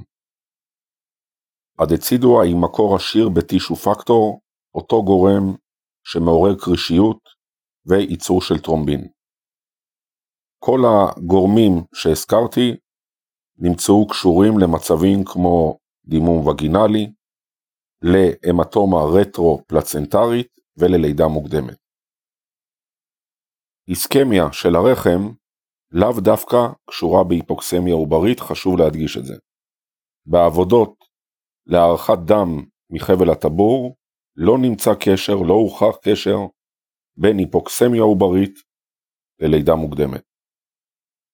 התרחבות יתר של הרחם המכניזם של התרחבות יתר של הרחם בהריונות מרובי עוברים גורם ללידה מוקדמת אבל אינו מובן לחלוטין. ברחם כזה נראה ביטוי מוגבר של קונקסין 43, רצפטור לאוקסיטוצין וסיפוס mRNA במיומטריום של עכברים בזמן שסמוך יחסית למועד. פרוגסטרון מונע ביטוי של גנים שקשורים להתרחבות יתר אה, של המיומטריום. קיימת סברה שמיטוגן Activated Protein Kinase מתווך ביטוי של c-fos mRNA כתוצאה מהמתיחה של המיומטריום. כשעשו מתיחה של הרחם בתנאי מעבדה, ראו שיש כנראה השפעה על הקרומים, ונצפתה עלייה בייצור של קולגנז, של אינטרלאוקין 8, של PGE2 ושל אה, ציטוקין pre-B-cell colony Enhancing Factor. פגיעה בסבילות בין האם לעובר. העובר והשליה נחשבים לשתל מאוד מוצלח. זה מתאפשר כתוצאה ממצב טולרוגני מבחינה אימונית. הטולרוגניות היא גם של האם וגם של העובר, בעצם עם דיכוי אקטיבי של מה שנקרא maternal fetal interface. יש עדויות אחרונות שלפיהן דחייה של העובר היא יכולה להיות מנגנון שמביא להיווצרות לידה מוקדמת. קוריו-אמיוניטיס כרוני הוא מצב של הסננת לימפוציטים אימהיים לממברנות. זה ממצא מאוד שכיח בלידה מוקדמת. הלימפוציטים מעוררים הרס של הטרופובלסט בקוריון, ובכך מסוגלים לגרום להתפתחות לידה מוקדמת. המצב הזה של הרס טרופובלסט יחד עם המצב של chronic villitis משקף דחייה עוברית. מגדירים את זה כ maternal anti-fetal rejection. לידה מוקדמת שנגרמת כתוצאה מאלרגיה Allergy Induced Preterm Labor קיימות עדויות של לידה לאחר חשיפה לאלרגן במנגנון של אה, תגובת יתר type 1. בחלק מהאנשים עם לידה מוקדמת באמת מצאו רמת איאוזינופילים מוגברת במי שפיר, איאוזינופיליה. הם מגדירים את זה בספר כ-form of uterine allergy. תאי מאסט ברחם מייצרים היסטמין ופרוסטגלנדינים שיכולים לגרום לצירים. ניתן לגרום ללידות מוקדמות בחיות על ידי חשיפה שלהן לגורם שהן רגישות לו, וניתן למנוע את זה על ידי אנטגוניסט לרצפטור של היסטמין H1. אי ספיקה של צוואר הרחם העיקרון מבוסס על הקשר בין אורך צוואר סונוגרפי לסיכוי ללידה מוקדמת. הטרמינולוגיה הישנה הגדירה מצבים של קומפטנטיות של הצוואר אל מול מצבים של אי קומפטנטיות של הצוואר. היום נהוג להתייחס לקומפטנטיות של הצוואר כמרכיב מתמשך. זה מה שנקרא competence as a continuum. מחקרים מראים שקיצור של הצוואר הוא אינו תהליך פסיבי שנובע מהיחלשות הרקמה, אלא דווקא תהליך אקטיבי שניתן להאט אותו ואף למנוע אותו באמצעות פרוגסטרון. לאור זאת, ההנחה כיום היא שצוואר מקוצר בשליש שני של ההיריון זה סימן שתהליך הפרטוריציה החל כתהליך אקטיבי בגלל אקטיבציה של הדצידואה כתגובה לקולוניזציה של הצוואר על ידי חיידקים, ו או דימום מהדצידואה עם עוד גורמים צוואריים, או בגלל פעילות סאב קלינית של המיומטריום. איור 29-9 מתאר את מהלך ייצור צוואר הרחם בין שבועות 22 עד 24 בנשים שהגיעו בשבוע 28 עם לידה מוקדמת או פיפרום. את זה השוו לכאלה שילדו במועד או לפני המועד בגלל איזושהי התוויה רפואית. כמובן שרואים שההתקצרות צוואר הכי משמעותית, כלומר קצב ההתקצרות הכי משמעותי באלה שהיה להם PTL, preterm labor או PPROM. צריך לשים לב שהיו הבדלים משמעותיים באורך הצוואר כבר בהתחלה, בשבועות הראשונים בין 22 עד 24, לרעת אלה שבאמת סיימו עם PTL או PPROM. הפרעות אנדוקריניות אנחנו יודעים שפרוגסטרון ואסטרוגן משחקים תפקיד משמעותי בהיריון. הפרוגסטרון גורם לרגיעה של המיומטריום, זה נקרא quiescence, ומעכב את הבשלת הצוואר. אסטרוגן לעומתו מעלה כיווציות ומעורר הבשלה של הצוואר לפני תחילת הלידה. במינים רבים קיימת ירידה ברמת הפרוגסטרון לפני פרטוריציה ספונטנית, אך המכניזם לנסיגת הפרוגסטרון תלוי בעיקר בגורם שמהווה מקור שלו, בין אם זה השליה או הגופיף הצהוב. בבני האדם לא הודגמה ירידה ברמת הפרוגסטרון לפני פרטוריציה. לעומת זאת, עיכוב של פעילות הפרוגסטרון יכולה לגרום לפרטוריציה, כלומר לצאת מהמצב של הקווייסנס. קיימות תיאוריות נוספות. לפי תיאוריה ראשונה, קיימת השעיה של פעילות הפרוגסטרון, ללא ירידה בריכוז שלו. זה קורה באמצעות חלבוני נשא, שהוא מקושר אליהם, מחובר אליהם, עם אפיניות גבוהה. כך בעצם יורדת הצורה הפעילה שלו. לפי התיאוריה השנייה, יש עלייה בריכוז של קורטיזול, שמהווה מתחרה של הפרוגסטרון בקישור שלו לרצפטורים של גלוקו-קורטיקו-סטרואידים. לפי התיאוריה השלישית, יש הפיכה של פרוגסטרון לצורה שאינה פעילה בתוך תא המטרה, עוד לפני שהוא נקשר לרצפטור שלו. בכל המצבים הללו יש פחות פרוגסטרון זמין בצורה הפונקציונלית שלו. עם זאת, אף אחת משלוש התיאוריות הללו לא הוכחה באופן מוחלט. דווקא העבודות האחרונות מתמקדות יותר בשינוי בכמות ובתפקוד של הרצפטורים לאסטרוגן ופרוגסטרון מבחינת הקישור שלהם. בבני אדם קיימים שני סוגים עיקריים של רצפטור לפרוגסטרון, PRA ו-PRB. לאחרונה תואר רצפטור נוסף, נקרא PRC, אך התפקיד שלו עדיין לא ברור. הרצפטורים של אסטרוגן מופיעים גם הם בשתי צורות, כ-ERA ו-ERB.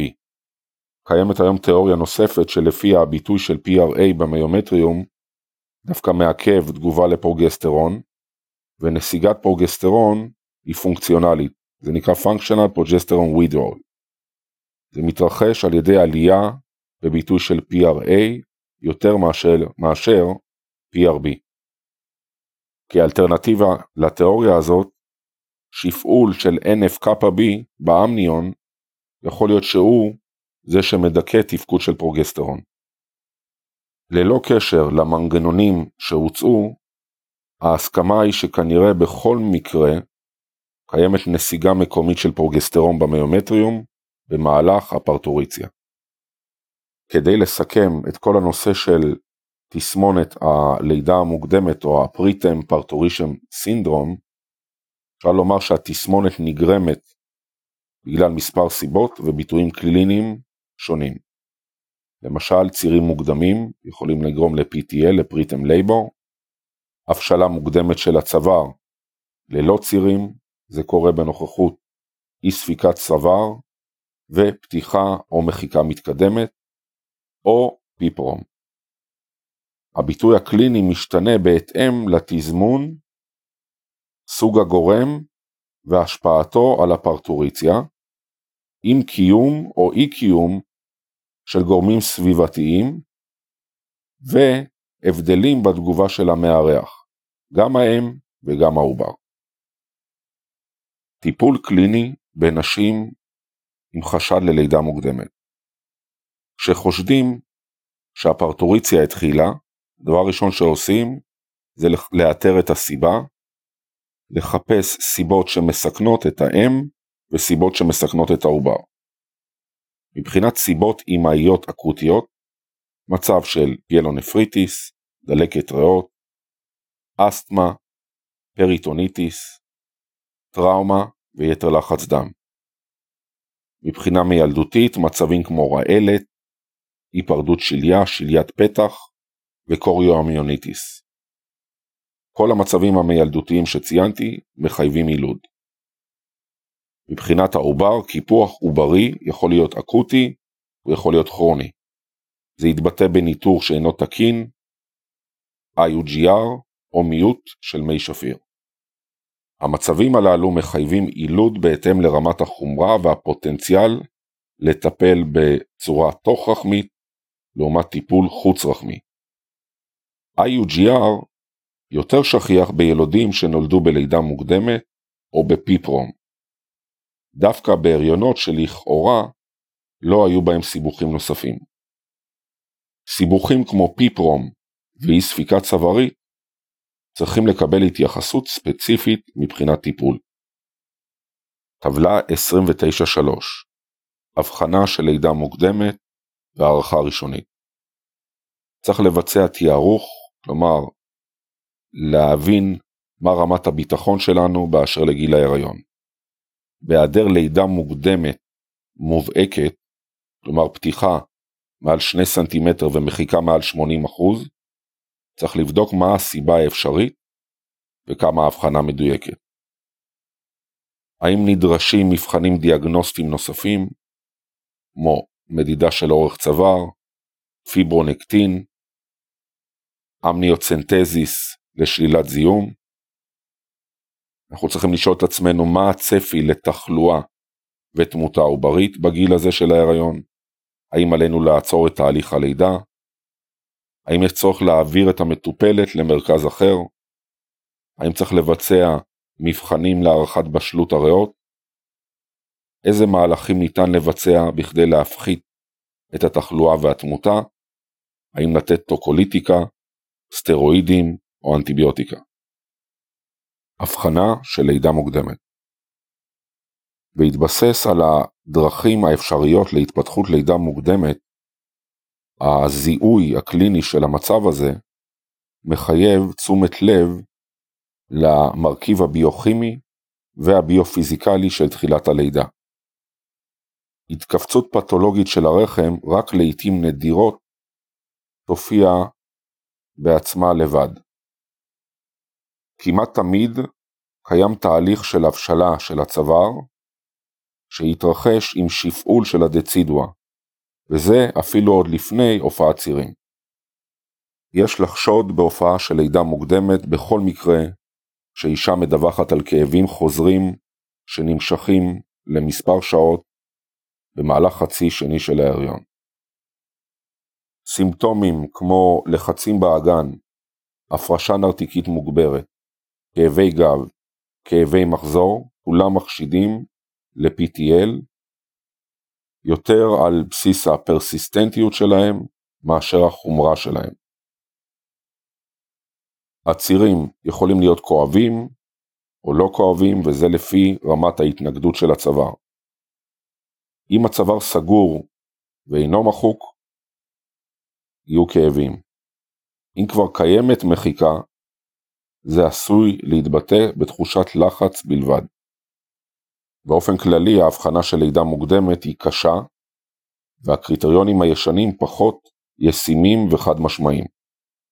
לפי Systematic Review שנעשה, 30% מה-PTL חולפים באופן ספונטני, 50% מהמקרים שאושפזו בגלל PTL ילדו במועד. הקריטריונים להערכה מתי יש צורך לטפל אינם חד משמעיים. היום נהוג להתייחס לשכיחות צירים של לפחות שישה צירים בשעה, פתיחה של יותר משלושה סנטימטר, מחיקה של 80% מהצוואר, פקיעת קרומים ודימום. כל אלה סימנים של PTL שעשויים להתקדם ל-preterm birth או preterm delivery. כשעשו ניסיון להוריד את הסף של דחיפות הצירים והוגדר כנמוך מדי עם דינמיקה צווארית, ראו יותר false positive, ואז לידה במועד התרחשה ב-40% מהמקרים שטופלו בפלצבו. כלומר, הרגישות לא עלתה במקרים האלה. הקושי בזיהוי המקרים האמיתיים נובע משכיחות גבוהה של תלונות כאלה גם בהריונות נורמליים לחלוטין. בעקבות זאת, נעשה שימוש בטוקוליטיקה שלא לצורך. אמצעים אבחנתיים ללידה מוקדמת בנשים עם פתיחה של פחות משני סנטימטר, מחיקה של 80% וצירים, יש קושי לבצע הבחנה. על מנת לשפר את רמת הדיוק של ההבחנה, יש לבצע אולטרסאונד וגינלי למדידת אורך הצוואר. בצוואר מעל 3 סנטימטר, בנשים סימפטומטיות, הסבירות ללידה מוקדמת מאוד נמוכה. לזה אפשר להוסיף מבחן פיברונקטין מההפרשות הנרתיקיות, להעריך את רמת השפעול של הדצידואה. אם הוא שלילי, ומדובר בהיריון מתחת לשבוע 34, עם פתיחה של פחות משלושה סנטימטר, יש סבירות נמוכה ללידה מוקדמת. האמצעים הללו יכולים להוריד את רמת ה-false positive. לאולטרסאונד אבדומינלי יש יכולת נמוכה לבצע אבחון מדויק לאורך צוואר, ועל כן חובה לבצע אולטרסאונד וגינלי. בהנחה שהבדיקה מתבצעת כראוי, באישה סימפטומטית עם אורך צוואר מעל 30 מילימטר, יש סיכוי נמוך ללידה מוקדמת.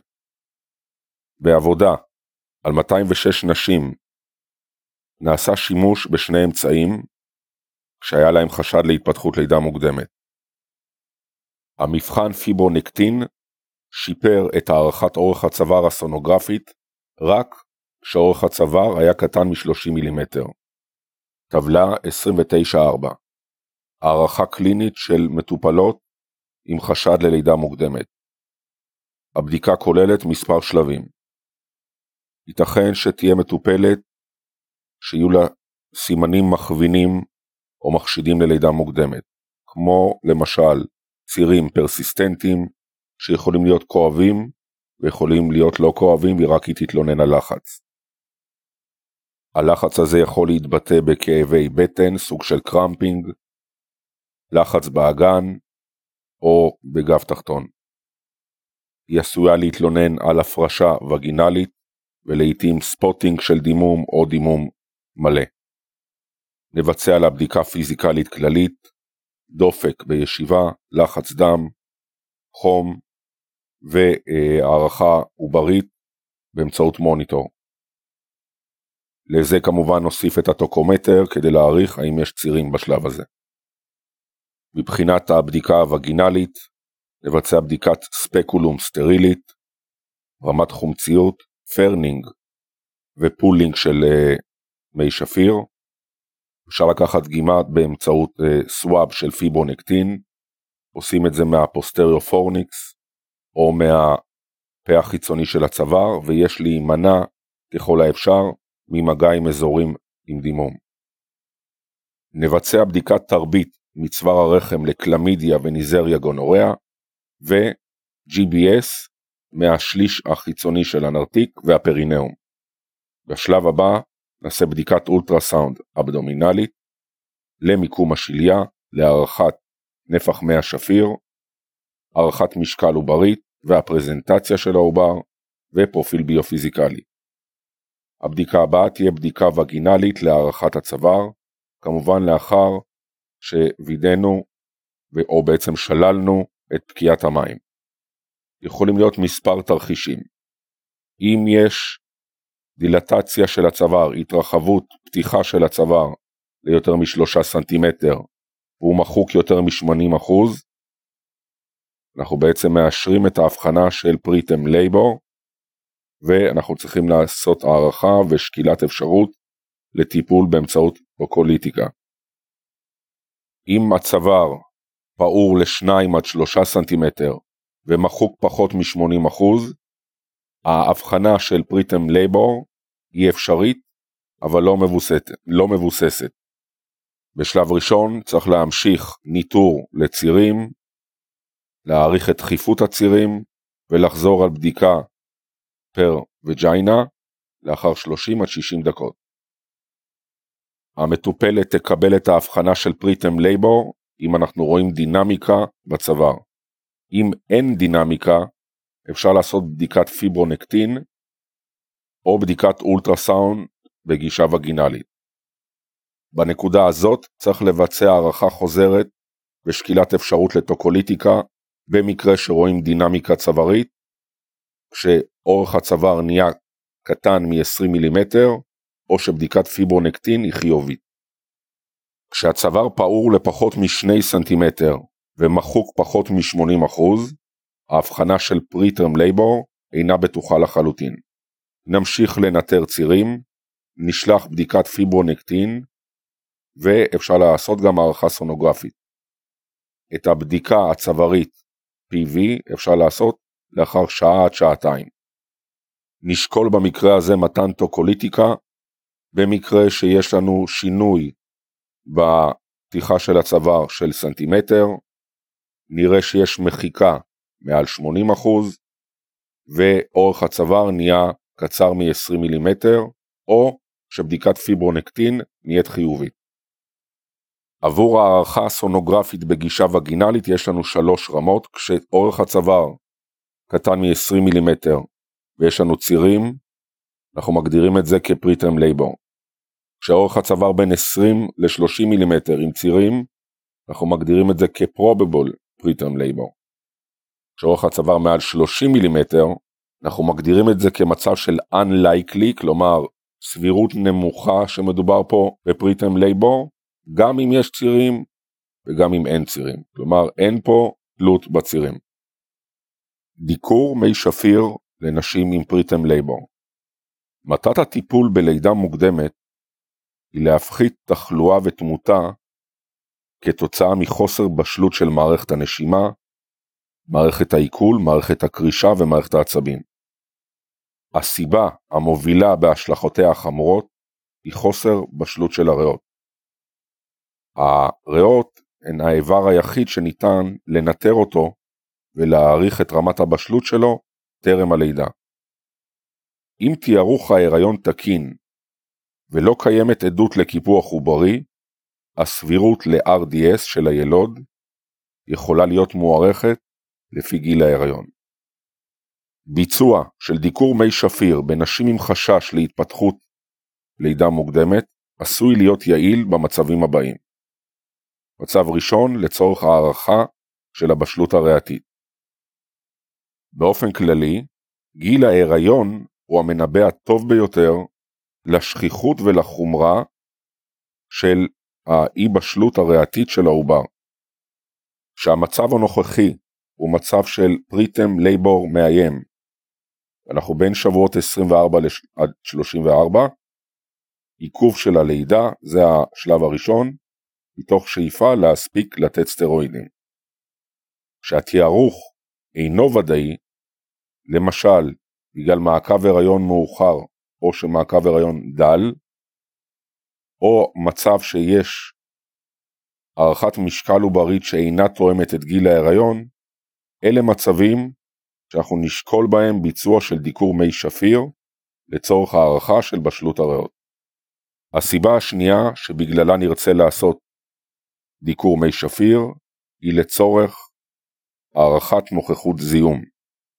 נשים עם לידה מוקדמת, עם קרומים שלמים, גיל הריון מוקדם, צוואר מקוצר והתקדמות למרות מתן טוקוליטיקה, נמצאות בסיכון לזיהום סמוי של מי השפיר. הערכת מי השפיר לזיהום במקרה הזה היא רבת משמעות מבחינת הצורך לתת אנטיביוטיקה וכמובן טוקוליטיקה. הערכה כזאת כוללת רמת גלוקוז במי שפיר, שהיא נמוכה מ-20 מיליגרם לדציליטר, יש לנו חשד לזיהום, נעשה צביעת גרם לחיידקים, רמת לויקוציטים ותרבית. כלומר ארבעה דברים, גלוקוז, צביעת גרם, לויקוציטים ותרבית. הסיבה השלישית שבגללה נחליט לעשות את אה, דיקור מי השפיר היא לצורך קביעת קריוטיפ עוברי. כשיש ריבוי מים או ידוע על אנומליה עוברית, התפתחות של לידה מוקדמת מתרחשת בגלל over distension של הרחם, או אי ספיקה שלייתית על רקע אנאופלואידיה. בדיקת פיש יכולה להיות רלוונטית תוך 48 שעות, כך שאין צורך בתרבית. כך גם לגבי בדיקת כרומוזומל מיקרו-אריי, אבל חשוב לזכור שבהיעדר ממצאים עובריים אחרים שמחשידים לאנאופלואידיה, מצב של לידה מוקדמת בלבד אינו מהווה אינדיקציה חד משמעית לקביעה של קריוטיפ עוברי. הטיפול בנשים עם לידה מוקדמת כל עוד אין פקיעת קרומים, בנוכחות צירים או דינמיקה, אפשר לתת טוקוליטיקה. אם יש פקיעת קרומים, אנחנו יודעים שהטיפול לא יביא להערכה של ההיריון באופן מספק. כשאני אומר מספק, הכוונה היא שהוא לא מספק על מנת לאפשר המשך גדילה של העובר ובשלות. מצד שני, הטיפול יכול לעכב פריטם ברט באופן שיאפשר מספר התערבויות. זה נותן לנו זמן להעביר את המטופלת לבית חולים מתאים אחר, מאפשר לנו להתחיל טיפול עוברי מניעתי נגד GBS, סטרואידים להפחתת תחלואה או תמותה בגלל חוסר בשלות של הריאות ומניעה של RDS, כמו כן גם IVH וכולי, ומתן מגנזיום סולפט, אם מדובר במצב לפני שבוע 32, לצורך הפחתת סיכוי ל-CP. ההחלטה האם להעביר את המטופלת לבית חולים אחר תלויה בגודל המרכז הרפואי ורמת הציוד. מבחינת טיפול עוברי אנטיביוטי, יש לטפל בנשים בלידה מוקדמת בכדי למנוע GBS עוברי. הטיפול המומלץ הוא טיפול בפניצילין. המטופלות הללו נמצאות בסיכון מוגבר לפתח ספסיס נאונטלי. מאז שהתחילו באפליקציה של הטיפול הזה, רוב מקרי ה-GBS מתרחשים בתינוקות במועד. בנוסף, ראו שתינוקות שנולדו לאחר פקיעת מים מוקדמת וקיבלו אנטיביוטיקה למשך שלושה עד שבעה ימים לפני הלידה, הייתה להם פחות תחלואה. בגדול, אנחנו מבינים ויודעים שהאנטיביוטיקה שניתנת לא מעריכה את ההיריון שאין לנו פיפרום. בעצם כשהאנטיביוטיקה לא מצליחה להעריך את ההיריון, זה סימן שכנראה לא קיים בכלל רקע של זיהום, או שהעיתוי מאוחר מדי מבחינת מועד התחלת הזיהום. הטיפול האנטיביוטי צריך להינתן באחד משלושת המצבים הבאים באופן מניעתי ל-GBS, כשיש פיפרום וכשיש טיפול בפתוגן ספציפי, למשל UTI. סטרואידים אנטנטליים באופן כללי, מתן הסטרואידים גורם להבשלה של העובר, כלומר למטורציה, ולא לגדילתו, לא משפיע על הגרוס שלו. הסטרואידים פועלים על הריאות במספר מישורים. הם מעלים ייצור של סורפקטנט, הם מעלים את ההיענות של הריאות, את ה-compliance, מורידים חדירות של כלי דם, ומייצרים תגובה מוגברת לטיפול post-natal-י באמצעות סורפקטנט. יש להם השפעה דומה גם על איברים אחרים כמו מוח, כליות ומעיים. מתן טרום לידתי של בטא מתזון או דקסה מתזון מוריד את הסיכון למוות, ל-RDS, ל-IVH, ל-NEC, PDA ו-BPD. משנת 2000, ההמלצה על ידי ה-NICHD היא מתן סטרואידים לנשים בשבועות 24 עד 34, שנמצאות בסיכון ללידה מוקדמת תוך 7 ימים.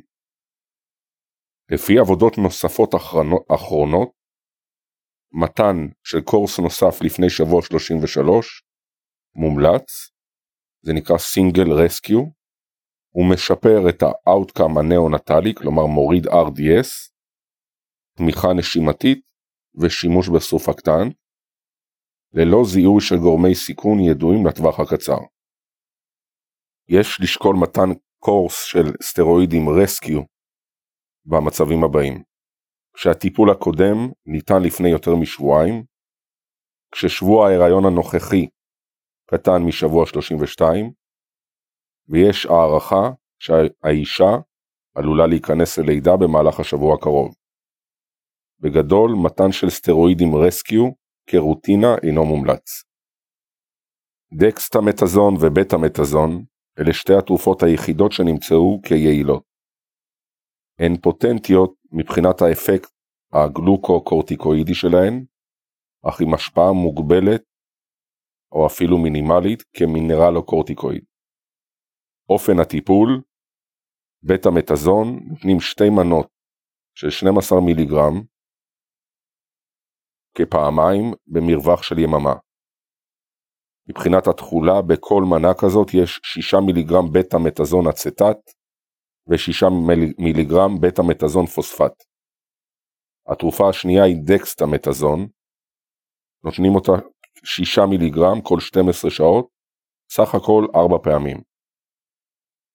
סטרואידים אחרים כמו פרדניזון או פרדניזולון או מתן בכלל פר אוס אינם מומלצים בגלל שהם אינם עוברים שליה ולא הוכחו כיעילים.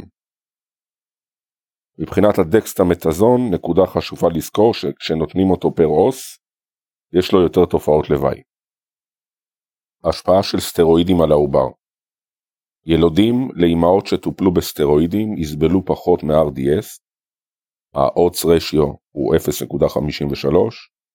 IVH פחות, odds ratio 0.38, ופחות תמותה נאונטלית עם odds ratio של 0.6. היעילות ל-IVH לעומת RDS היא בלתי תלויה אחת בשנייה. בנוסף יש גם ירידה ב-NEC, ב-BPD ו-PDA. למרות ששני סוגי הסטרואידים נחשבים אפקטיביים, בטא-מתזון נמצא מעט יעיל יותר מדקסטה-מתזון. השפעות אחרות של גלוקוקורטיקואידים על העובר בטא-מתזון בעיקר, אך גם דקסטה-מתזון, גורמים לירידה זמנית בתנועות הנשימה ובתנועות הגוף. זה בדרך כלל נמשך בין 48 ל-72 שעות, לאחר מתן המנה השנייה של הסטרואידים. דווח גם על דיכוי עוברי מבחינת רמת קורטיזול, אולם תגובת העובר ל-ACTH לא השתנתה. מבחינת השפעות על האם, נראה עלייה זמנית ברמת התעשיות וברמת הלויקוציטים שנמשכת ל-72 שעות. לויקוציטים מעל 20 אלף זה מקרה יחסית נדיר, אבל נראה מגמת עלייה. בנוסף ישנם שינויים במטאבוליזם של גלוקוז, ולעיתים אם יש סוכרת ברקע היא עלולה לצאת משליטה. לחצי דם אינם משתנים כתוצאה מהסטרואידים, כי אין להם פעילות מינרלו-קורטיקואידית. נשים שטופלו בסטרואידים מספר פעמים במהלך ההיריון, סיכונים במתן הסטרואידים. מאז ההמלצה הראשונית יש בסך הכל מגמת עלייה בשימוש ובמתן סטרואידים. לא נצפתה סכנה במתן של קורס אחד של סטרואידים. מעקב ארוך טווח לכאלה שטופלו בקורס אחד לא הראה הבדלים פיזיים או התנהגותיים בהשוואה לאותה קבוצת גיל הריון. העלייה בשימוש עוררה שאלה מבחינת השלכות ארוכות טווח. בבעלי חיים נצפו האטה בצמיחה והשפעה מבחינת התפתחות מוחית ונוירולוגית. גם בעבודות על בני אדם נצפה, נצפתה האטה בגדילה. בעבודה אוסטרלית ראו עלייה פי שתיים במשקלי לידה שהיו מתחת לאחוזון 10 וירידה משמעותית בהיקף הראש באלה שקיבלו יותר משלושה קורסים. לאחר הלידה, הילודים הללו הראו האצה בצמיחה תוך שלושה עד חמישה שבועות. טיפולים אחרים להפחתה של תחלואה עוברית נאונטלית. מבחינת RDS, מתן סורפקטנט לילודים נמצא יעיל והוסיף להפחתה ב-RDS באופן סינרגטי ובלתי תלוי. מתן של TRH, thyrotropin releasing hormone, לא שיפר את מצב התינוקות, לא מבחינה נשימתית ולא באופן אחר, וגם לא כתוסף לסטרואידים. בחלק מהעבודות ה-TRH נמצא אפילו מחמיר. תחלואה נוירולוגית פנוברביטל כשניתן לבד או עם תוספת של ויטמין K לא נמצאו כמפחיתים של IVH. לעומת זאת, מגנזיום הוריד את השיעור של ה-IVH לא בצורה קונסיסטנטית, הוא הוריד גם שיעור של CP ותמותה פרינטלית. בעבודה על מגנזיום ש...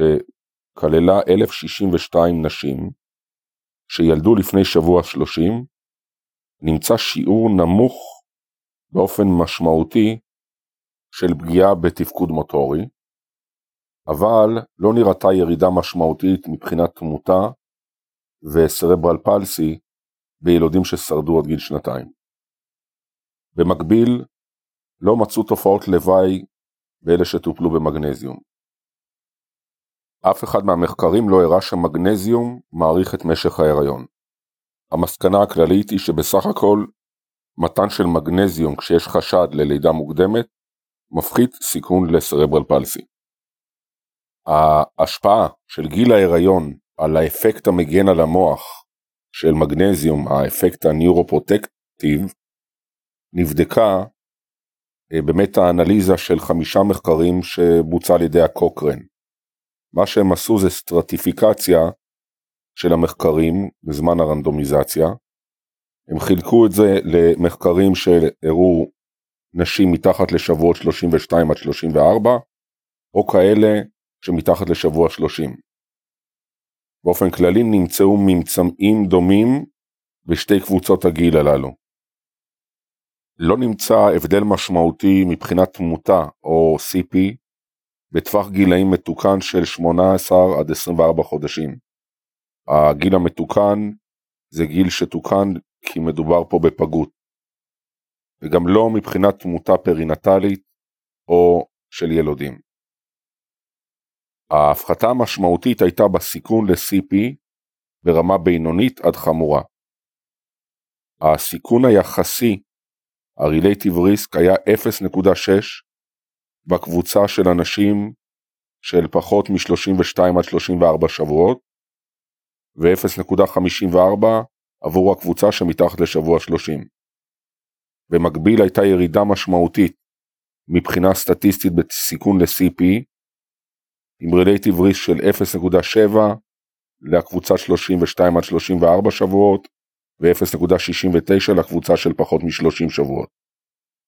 ירידה בסיכון למוות או CP חמור הייתה עם RR של 0.85 לקבוצת ה-32 עד 34 שבועות ולקבוצה של פחות מ-30 שבועות 0.84. מספר המטופלות, ה-intention to treat שיש לטפל בהן על מנת למנוע מקרה אחד של CP לפני שבוע 32 עד 34 זה 56 ולפני שבוע 30 46. הטיפול המומלץ הוא בבולוס של 4 גרם ולאחריו החזקה של 1 גרם לשעה. מנגנון הפעולה של מגנזיום אינו לגמרי ברור, גם מבחינת המרכיב הניורופרוטקטיבי וגם התגובה תלוית מינון. מתן המגנזיום מומלץ במקרים הבאים בפיפרום, בלידה אימיננטית או במצבים של עילוד אלקטיבי מוקדם. במקרה שיש אינדיקציה לעילוד מיידי לא נדחה את זה כדי לתת מגנזיום. דבר אחרון, אין להמשיך את הטיפול במגנזיום אם לא התרחשה לידה תוך 24 שעות. פרוטוקול הטיפול במגנזיום המחברים מציעים להגביל את מתן המגנזיום לשבועות 24 עד 32. וזאת לאחר שהיו שני מחקרים גדולים שנעשו בנושא, אבל הם לא שיתפו נשים מעבר לשבועות הללו. המגנזיום סולפט חייב להינתן במתן פארה-אנטרלי, המינון הטיפולי דומה למינון של הטיפול הפרופילקטי ברעלת נגד פרכוסים. כפי שציינתי, הטיפול הוא העמסה של 4 גרם במשך 30 דקות, ובהמשך 1 גרם לשעה. בנשים עם הפרעה בתפקודי כליה, עם אוליגוריה או רמת קריאטינין מעל 0.9, יש לתת אותו בזהירות ולעקוב אחר סימנים חיוניים, רפלקסים ורמת מגנזיום. אין לתת מגנזיום בנשים עם מיאסטניה גרביס, בגלל שהיון של מגנזיום מתחרה בסידן. פרוטוקול הטיפול במגנזיום כפי שמצוין בספר. מתחילים בלתת אה, מנת העמסה של 4 גרם, בתוך תמיסה של 10% עד 20% במשך 30 דקות, שזה אומר 60 מיליליטר של מגנזיום 10% בתוך 1 ליטר של D5W. השלב הבא זה מתן מנת החזקה של 1 גרם לשעה, שזה אומר 40 גרם של מגנזיום סולפט בתוך ליטר של D5W או בתוך רינגר. קצב הטיפות צריך להיות 125 cc לשעה. צריך לעקוב אחר אאוטפוט של נוזלים, וכמובן שמומלץ להכניס קתטר שתן. מבחינת המעקב צריך לעקוב ולתעד את מצב הרפלקסים, סימנים חיוניים וקצב נשימה. עושים את המעקב הזה כל שעה. לאחר מכן מוסיפים למעקב כל שעתיים עד ארבע שעות את מאזן הנוזלים, את האינפוט והאוטפוט, ומעקב גם של רמות מגנזיום. חשוב לפני תחילת הטיפול להכין קלציום גלוקנט למקרה שמתפתח איזשהו דיכוי נשימתי שהוא אחד מתופעות הלוואי של טיפול במגנזיום. טוקוליטיקה מכיוון שצירים הם הביטוי הבולט ביותר של לידה מוקדמת, עלתה המחשבה אולי הנאיבית לכאורה, שאם נדכא את הצירים נוכל למנוע את הלידה. האפקטיביות של תרופות טוקוליטיות נמדדה ביכולת שלהן לדחות את הלידה ב-48 שעות, שזה הזמן ליעילות זריקת הסטרואידים, או להצליח להרוויח שבוע, שזה זמן של גדילה ברחם, שנחשב למשמעותי מאוד. אולם אין מחקר שהוכיח שתרופות טוקוליטיות יכולות אכן להקטין את שיעור הלידות המוקדמות. לפי מטה-אנליזה יחסית אחרונה של קוקרן, הוכח שחוסמי סידן ואנטגוניסטים לאוקסיטוצין יכולים לדחות את הלידה ביומיים עד שבעה ימים, עם יחס סיכון תועלת גבוה. תרופות ממשפחת הבטא מימטיקס דוחות ב-48 שעות, אך מלוות בתופעות לוואי רבות. עם זאת, אין מספיק מחקרים על מעכבי קוקס, ציקלואוקסיגנז ומגנזיום הוכח כלא יעיל. בחירת התרופה הטוקוליטית, פרמקולוגיה התרופות הטוקוליטיות פועלות על תאי המיומטריום. התהליך העיקרי של הכיווץ של המיומטריום הוא האינטראקציה בין האקטין למיוזין.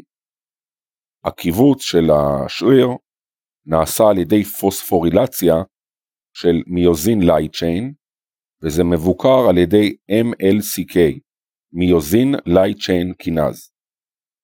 האפקט הטוקוליטי יכול להיות מוסבר בשליטה של התרופות על רמת הפעילות של ה-MLCK, בעיקר דרך סידן ו-cyclic AMP. המיומטריום, כדי להתכווץ באופן מתוזמן, סינכרוני ויעיל במהלך לידה במועד או בלידה מוקדמת, צריך לוודא שיש תקשורת טובה בין התאים שלו. לכן אה, זה מעלה שאלה בכיוון של ה-gap junctions ובאמת אין טוקוליטיקה שמשפיעה על התפקוד או הביטוי של ה-gap junctions. האיור מספר 2910 מתאר את המנגנונים השונים של תרופות הטוקוליטיקה כדי להכיר אותו לעומק. התוויות נגד לטוקוליטיקה מבחינה אמהית יתר לחץ דם חמור או רעלת הריון, דימום או מחלת לב משמעותית. בנשים עם preterm labor עשוי להיות דימום קל, סוג של spotting. כל דימום מעבר לכך לא נחשב לדימום מהלידה בלבד. יש לחשוד בשליית פתח או היפרדות שליה כי שני המצבים הללו יכולים להתבטא בצירים ובדימום. שני המצבים האלה מהווים התוויית נגד לטוקוליטיקה. רק במקרים נדירים שבהם חושבים שהצירים נובעים מדימום ניתן לשקול מתן טוקוליטיקה כדי להרוויח זמן לפעולה של הסטרואידים. צריך לזכור שחוסמי סידן ותרופות בטא מימטיות עלולים למסך על התגובה האמהית הלבבית ליתר לחץ דם, וחוסמי ה-COX, ה-COX inhibitors, עשויים לפגוע בתפקוד הטסיות. מבחינה עוברית, התוויות נגד לטוקוליטיקה, גיל הריון מעל 37, מוות עוברי, אנומליה עוברית, chorioamnionitis ועדות למצוקה עוברית. רק לציין, אנומליה עוברית הכוונה לאנומליה עוברית לטאלית. חוסמי סידן, הניפדיפין, בדרך כלל נעשה בהם שימוש לטיפול ביתר לחץ דם, באנגינה ובהפרעות קצב. הניפדיפין הכי נחקר מבין כולם כתרופה טוקוליטית. בהשוואה לחוסמי סידן אחרים, למשל ורפמיל, הוא נחשב להכי סלקטיבי להתכווצות הרחם.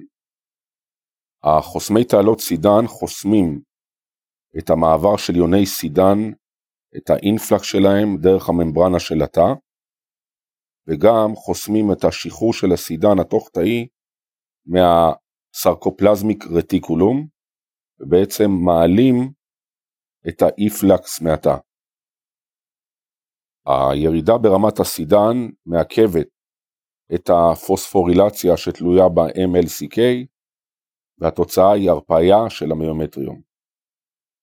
חוסמי סידן נספגים מהר מאוד לאחר נטילה פר אוס. לפי מטה-אנליזה של קוקרן, לחוסמי סידן יש אפקט טוקוליטי קצר טווח, והוא מאוד מומלץ על ידם. יש להם השפעה מעכבת הכי טובה לצירים והכי פחות תופעות לוואי לעומת האחרים. מצאו שניפדיפין הפחית לידות לפני שבוע 34 עם relative risk של 0.83 ולידות תוך שבעה ימים עם relative risk של 0.76.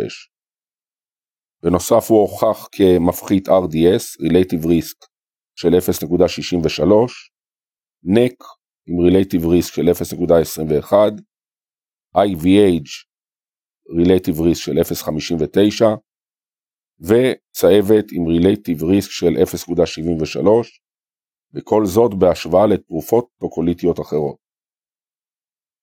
רק מעט מקרים דווחו שהייתה בהם הפסקה של הטיפול בגלל תופעות לוואי כלשהן.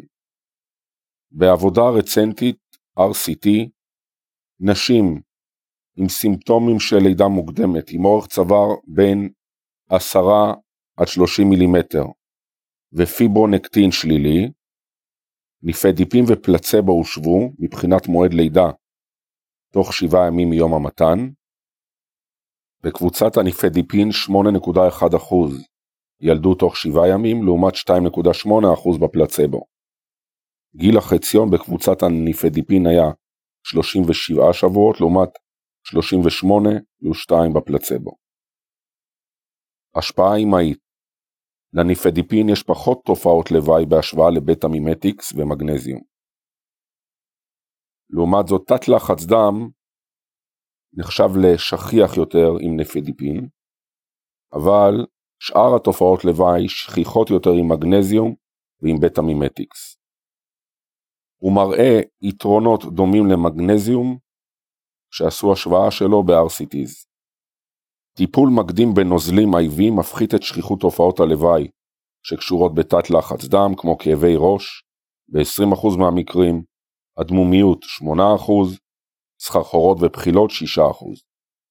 רוב תופעות הלוואי נחשבות לקלות, חוץ מתיאור מקרה בודד של התקף לב 45 דקות לאחר הטיפול באישה צעירה. אין לתת לאחר מכן או במקביל מימטיקס כי זה עשוי להחמיר את הירידה בלחץ דם וגם לא עם מגנזיום כי זה עלול לחסום שרירים מסוטטים. מבחינת השפעה עוברית, חשבו שזה עלול לגרום לירידה בלחץ דם, אבל לא הייתה השפעה על הזרימות ב-MCA, לא ברנל ארטריז, לא בדוקטוס ארטריוזוס, לא באומביליקל ארטרי ולא בכלי דם אמהיים. פרוטוקול טיפול מתחילים בהעמסה ראשונית של 20 מיליגרם per os, ולאחר 90 דקות 20 מיליגרם נוספים, או 10 מיליגרם כל 20 דקות עד 4 מנות. בהמשך, אם הצירים ממשיכים, אז נותנים 20 מיליגרם כל 3 עד 8 שעות ל-72 שעות, עם מינון מקסימלי של 180 מיליגרם ביממה. זמן מחצית החיים של ניפדיפין הוא בין שעתיים לשלוש, זמן השפעה עד 6 שעות. שיא הריכוז בשליה הוא תוך 30 עד 60 דקות. המטאבוליזם שלו בעיקר בכבד והוא מופרש על ידי הכליה. סיכום על ניפדיפין, קל לשימוש, יש לו שכיחות נמוכה של תופעות לוואי אימהיות ועובריות, אין להשתמש בו בשילוב עם מגנזיום ובטא מימטיקס, ואין להשתמש בו אם יש זיהום בחלל הרחם, יתר לחץ דם אימהי ומחלת לב אימהית.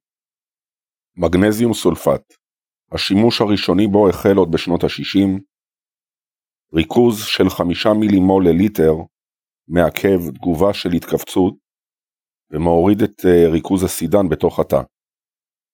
למרות תצפיות אין ויטרו הוא לא נמצא כיעיל להערכה של ההיריון.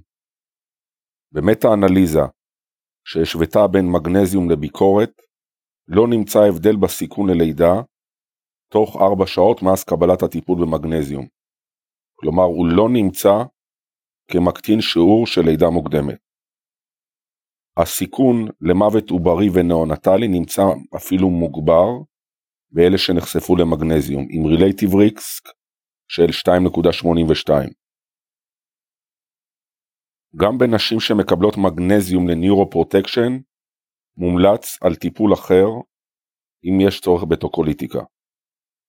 בגלל סיכונים אימהיים בטיפול מקביל בניפדיפין יחד עם מגנזיום, הטיפול הטוקוליטי המומלץ לאישה שנוטלת מגנזיום ל neuroprotection הוא דווקא אינדומטצין, אינדומד. מבחינת תופעות לוואי אימהיות, יש לו שיעור נמוך יחסית של תופעות קשות, מעבר לכך יכול אולי לגרום לאודם, לבחילות והקאות, כאבי ראש, חולשה כללית, דיפלופיה וקוצר נשימה. דווחו כאבים בחזה ובצקת ריאות באופן דומה למה שרואים בשימוש בבטא מימטיקס. השפעה נאונטלית המגנזיום עובר שליה, אבל בדרך כלל לא גורם לתופעות לוואי, חוץ מאשר לגרום ללתרגיה, להיפוטוניה ודיכוי נשימתי במקרים נדירים. טיפול ממושך מעל שבוע יכול לגרום לבעיה בעצמות של העובר ולילוד. סיכום של מגנזיום אינו טיפול טוקוליטי יעיל, אבל נמצא יעיל לפגים בהורדה של שיעורי CP בלבד. מעכבי cyclooxygenase, COX inhibitors פרוסטגלנדינים הם המתווכים האחרונים ב-pathway של כיווץ שריר הרחם. הם מעלים שלושה דברים, הם מעלים את פעילות ה-MLCK, מעלים את רמות הסידן החופשי שבתוך התא, וגם את ה-Gap Junctions. ה-Gap Junctions אחראים על סינכרון של כיווץ הרחם. ה COX, שנקרא גם prostaglandin synthase, בעיקר COX 2, הופך חומצה ארכידונית לפרוסטגלנדין G2. באופן כללי השימוש בפרוסטגלנדינים בנשים בהיריון הוא להבשלת צוואר או להשראת לידה, שזה תלוי כמובן במינון ובאופן המתן. הסינתזה של פוסטגלנדינים מוגברת כשיש גירוי של האנזים קוק2 בהשפעה של ציטוקינים וחומרים בקטריאליים כמו אנדוטוקסינים ופוספוליפזות וקורטיקוסטרואידים. האנזים הזה, הקוק2, מעוכב על ידי NSAIDs, הוא עושה לו רידקשן. ה-NSAIDs השונים שונים בפעילות שלהם, בפוטנטיות שלהם ובתופעות הלוואי שלהם. האנסייד השכיח לשימוש כטוקוליטיקה הוא האינדומטוצין, וזאת למרות שהוא עובר את השליה. הוא נקשר בצורה הפיכה לקוקס, כך שהעיכוב של הצירים נעשה רק כשיש את התרופה בדם, וזה בניגוד לאספירין שעושה קישור בלתי הפיך. הריכוז שלו בעורק הטבורי משתווה לרמה האימהית תוך 6 שעות. זמן מחצית חיים באם הוא בין 4 ל-5 שעות, זמן מחצית חיים בתינוק 15 שעות, ואם מדובר בתינוק פג, טרם המועד, מדובר בזמן מחצית חיים ארוך יותר. לפי הקוקרן, מתן של אינדומטצין מפחית את כמות הלידות מתחת לשבוע 37, הוא מעלה את גיל ההיריון בלידה ומשקל לידה. עיכוב של פרוסטגלנדינים מביא עמו תופעות לוואי בגלל שתגובות רבות בגוף מתווכות על ידי הפרוסטגלנדינים באופן פיזיולוגי. לכן נדבר על תופעות לוואי אמהיות. בדומה לאספירין, תופעות לוואי יכולות להיות של GI כמו בחילות והקאות, דימום מוגבר ממערכת העיכול, טרומבוציטופניה, הארכה של זמן הדימום, יכול לעורר אסתמה בכאלה שרגישים לאספירין, לפגיעה כלייתית כשהשימוש הוא ממושך, בעיקר אם יש נטילה במקביל של תרופות נוספות נפרוטוקסיות. נשים עם יתר לחץ דם יכולות לסבול מאקססרבציה לאחר טיפול, אבל לעיתים מאוד רחוקות. צריך לזכור שהטיפול אה, באינדומטצין יכול למסך על הופעה של חום. התוויות נגד אמהיות, מחלה כלייתית או כבדית, קיב פפטי, יתר לחץ דם שאינו מאוזן, אסתמה והפרעות בקרישה. השפעות עובריות באופן כללי מדובר בתרופה בטוחה, אבל צריך לשים לב לשלושה מצבים להיצרות של ה ductus arteriosus, למיעוט של מי שפיר, ולמצב של neonatal pulmonary hypertension. המצב של היצרות של ductus arteriosus נוצר כתוצאה מהעיכוב של פרוסטציקלין ו-PGE2 שמתפקדים כמרחיבים של הדוקטוס. מקרה ראשון באמצעות דופלר ראו שבעה מתוך 14 מקרים של נשים שטופלו באינדומטצין, ראו בדופלר היצרות של הדוקטוס ארטריוזוס כבר בין שבועות 27 עד 31, אבל זה חלף תוך 24 שעות מהרגע שהטיפול הופסק. בגדול, הוא יופיע טרם שבוע 32 בכ-5 עד 10% מהמקרים, ומעבר לשבוע 32 ב-50% מהעוברים שנחשפו לטיפול במשך יומיים. ההיצרות הזאת היא בדרך כלל זמנית, חולפת עם הפסקת התרופה, אבל תוארו מקרים של אי ספיקת לב ימין בלתי הפיכה. מבחינת מיעוט מי שפיר הוא פועל בשני מנגנונים, מצד אחד הוא גורם להפחתה בייצור שתן עוברי, ומצד שני הוא משפיע באופן ישיר על זרימת דם לכליות. למה הוא מפחית את ייצור השתן? זה מתבסס על הרעיון שפרוסטגלנדינים מעכבים ADH. ברגע שהוא אה, חוסם את הפרוסטגלנדינים, הוא בעצם מפחית את העיכוב על אנטי דיורטיק הורמון, ואז האנטי דיורטיק הורמון עושה אנטי דיורטיקה, הוא מפחית את מתן השתן. טיפול ממושך בחסמי קוקס מוביל לשכיחות של 7% מיעוט מי שפיר. גם כאן התופעה הזאת חולפת עם הפסקת התרופה, אולם תוארו מקרים של אי ספיקת כליות של הילוד ואפילו IUFD. לכן הטיפול הזה מתאים יותר כשיש ריבוי מי שפיר והתכווצויות. בדרך כלל זה על רקע של over distension של הרחם, או כטיפול ראשוני לריבוי מים, או באישה שאינה בלידה, עם ריבוי מים. אינדיקציה נוספת שעשויה להיות רלוונטית זה דגנרציה של שרירן, שיכולה לגרום לפעילות רחמית. מצב שלישי זה neonatal pulmonary hypertension, יתר לחץ דם פולמונרי של ה neonate, זה מצב פטאלי, הוא קורה בטיפול ממושך מעל 48 שעות. הסיבוך הזה לא תואר בטיפול קצר יותר של 24 עד 48 שעות, אבל יכול להגיע ל-5 עד 10% מהילודים שהיה להם טיפול ממושך.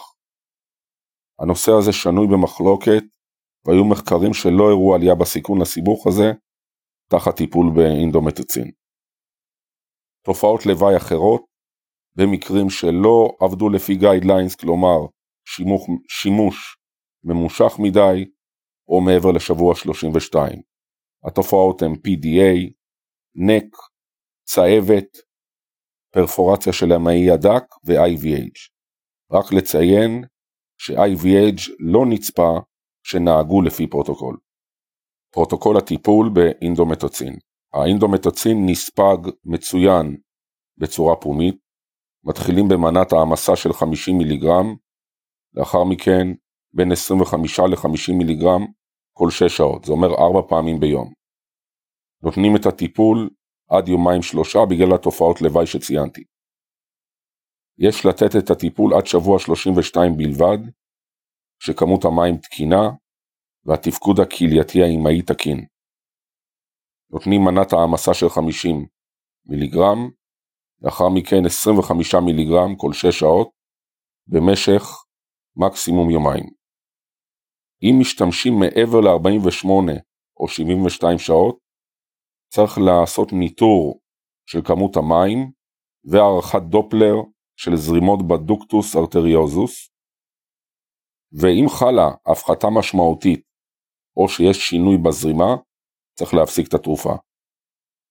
גם כשלידה ממשמשת ובאה, יש להפסיק את הטיפול באופן מיידי. מבחינת התוויות נגד עובריות, כשיש אנומליות כלייתיות, כוריואמניוניטיס, מיעוט מים, מומים לבביים שתלויים ב ductus arteriosus, ותסמונת של TTTS. לסיכום, אינדומטצין הוא טיפול טוקוליטי יעיל, נסבל היטב על ידי האם.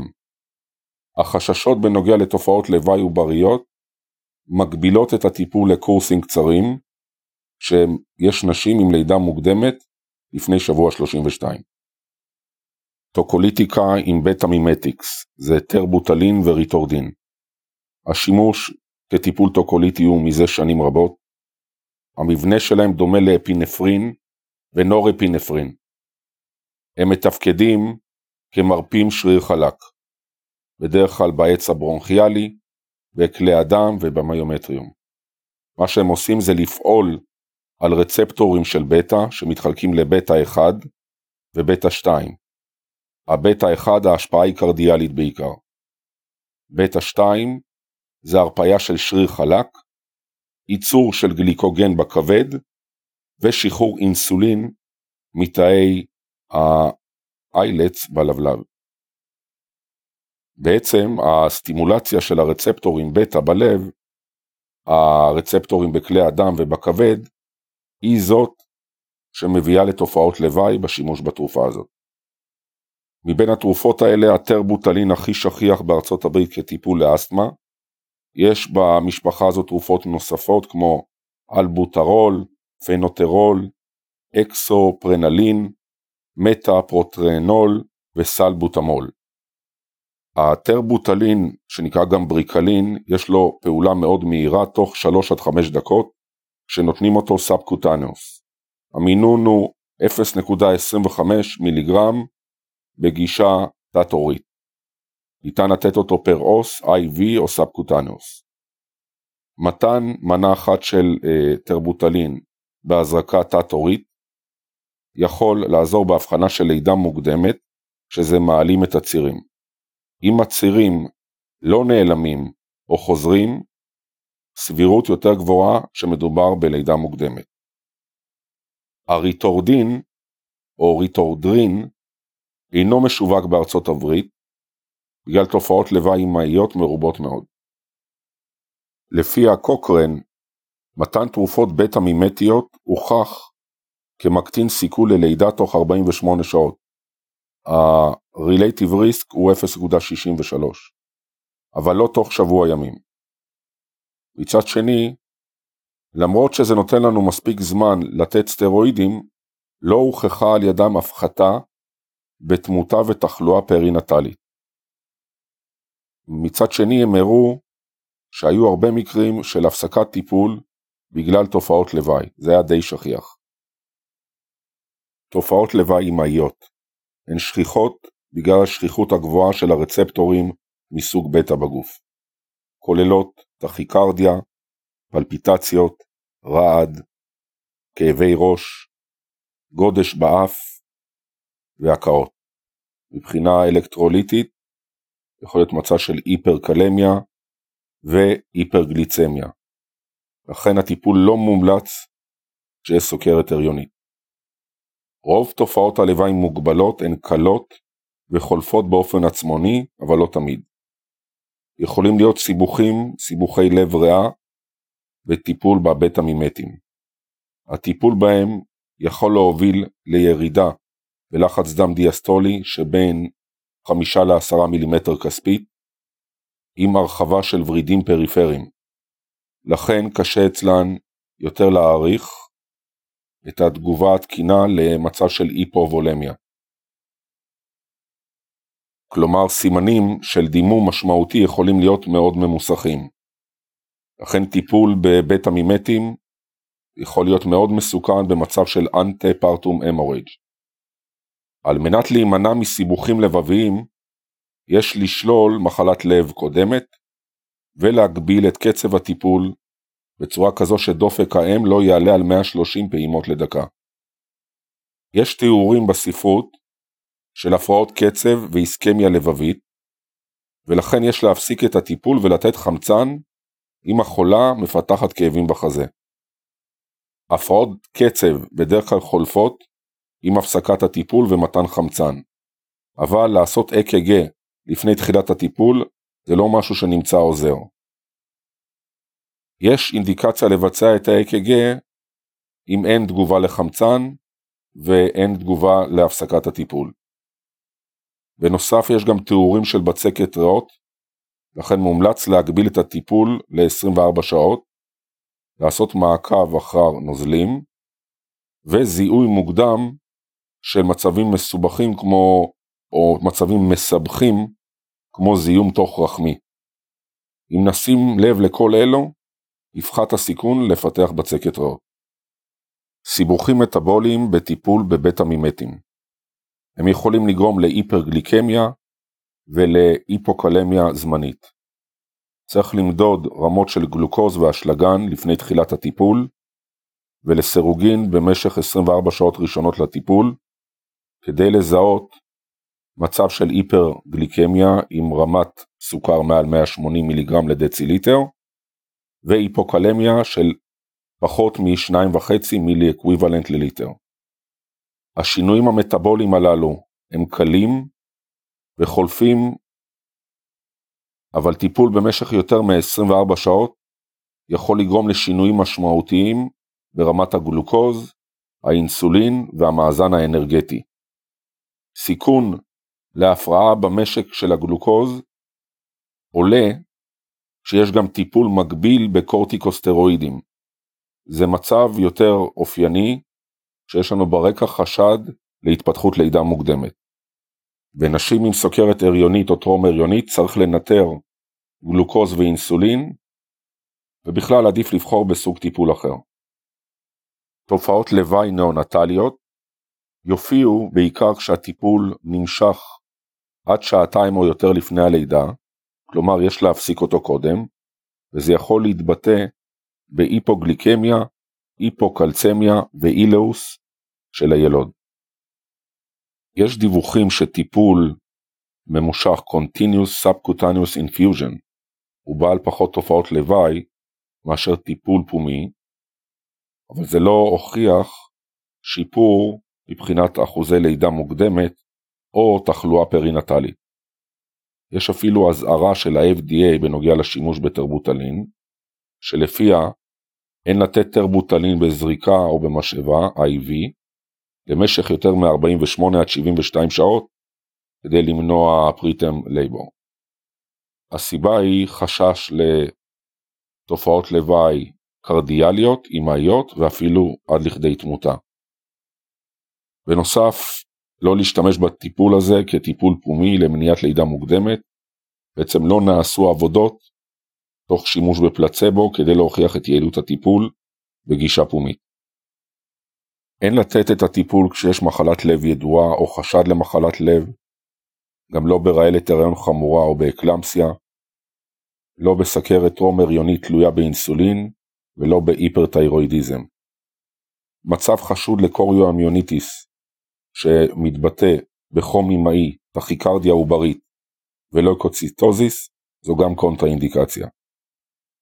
לסיכום, בעבר השתמשו רבות בתרופות האלה ה beta mimetics, אבל הם הוחלפו בתרופות עם פרופיל של תופעות לוואי יותר טוב. לטרבוטלין סך הכל יש מעט תופעות לוואי כשמשתמשים בו באופן חד פעמי subcutaneous במינון של 0.25 מיליגרם, וזאת במטרה לאפשר או בעצם להרוויח זמן עד שתרופה טוקוליטית אחרת מתחילה להשפיע. טיפול ממושך פומי או תת-עורי לא הוכח מחקרית כמקטין, בסופו של דבר, את הסיכון לפגות או ללידה מוקדמת. בנשים עם סוכרת הריונית או טרום הריונית צריך לנטר גלוקוז ואינסולין, ובכלל עדיף לבחור בסוג טיפול אחר. תופעות לוואי נאונטליות יופיעו בעיקר כשהטיפול נמשך עד שעתיים או יותר לפני הלידה, כלומר יש להפסיק אותו קודם, וזה יכול להתבטא בהיפוגליקמיה, היפוקלצמיה ואילאוס של הילוד. יש דיווחים שטיפול ממושך Continuous Subcutaneous Infusion הוא בעל פחות תופעות לוואי מאשר טיפול פומי, אבל זה לא הוכיח שיפור מבחינת אחוזי לידה מוקדמת או תחלואה פרינטלית. יש אפילו אזהרה של ה-FDA בנוגע לשימוש בטרבוטלין, שלפיה אין לתת טרבוטלין בזריקה או במשאבה, IV, למשך יותר מ-48 עד 72 שעות כדי למנוע preterm labor. הסיבה היא חשש לתופעות לוואי קרדיאליות, אמהיות ואפילו עד לכדי תמותה. בנוסף, לא להשתמש בטיפול הזה כטיפול פומי למניעת לידה מוקדמת, בעצם לא נעשו עבודות תוך שימוש בפלצבו כדי להוכיח את יעילות הטיפול בגישה פומית. אין לתת את הטיפול כשיש מחלת לב ידועה או חשד למחלת לב, גם לא ברעלת הריון חמורה או באקלמסיה, לא בסכרת טרום הריונית תלויה באינסולין ולא בהיפרתיירואידיזם. מצב חשוד לקוריואמיוניטיס שמתבטא בחום אמהי, טכיקרדיה עוברית ולויקוציטוזיס זו גם קונטראינדיקציה. לסיכום, בעבר השתמשו רבות בתרופות האלה ה beta mimetics, אבל הם הוחלפו בתרופות עם פרופיל של תופעות לוואי יותר טוב. לטרבוטלין סך הכל יש מעט תופעות לוואי כשמשתמשים בו באופן חד פעמי subcutaneous במינון של 0.25 מיליגרם, וזאת במטרה לאפשר או בעצם להרוויח זמן עד שתרופה טוקוליטית אחרת מתחילה להשפיע. טיפול ממושך פומי או תת-עורי לא הוכח מחקרית כמקטין, בסופו של דבר, את הסיכון לפגות או ללידה מוקדמת. תרופות אחרות אטוסיבן בתהליך הלידה הטבעי, אוקסיטוצין מעורר התכווצויות דרך המרה של phosphatidyl inositol ל inositol triphosphate.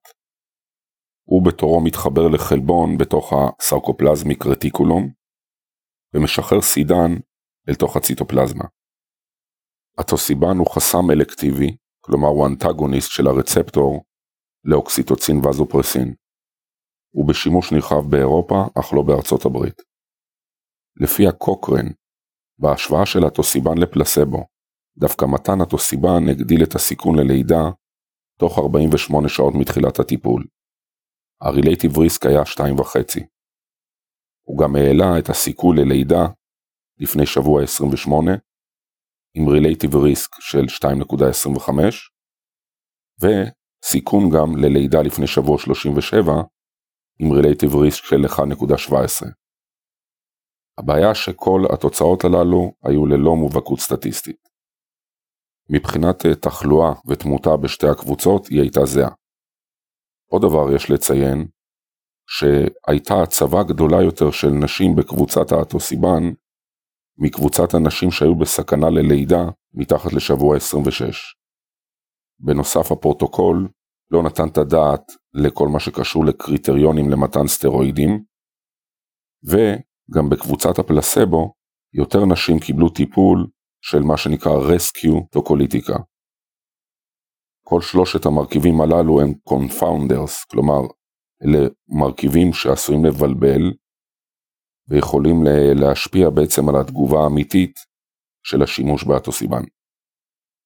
ה-FDA סירב לאשר את הטיפול באטוסיבן כטיפול טוקוליטי מחשש שהתרופה לא בטוחה, במיוחד לעוברים מתחת לשבוע 28. nitric oxide גורם להרפיה של המיומטריום.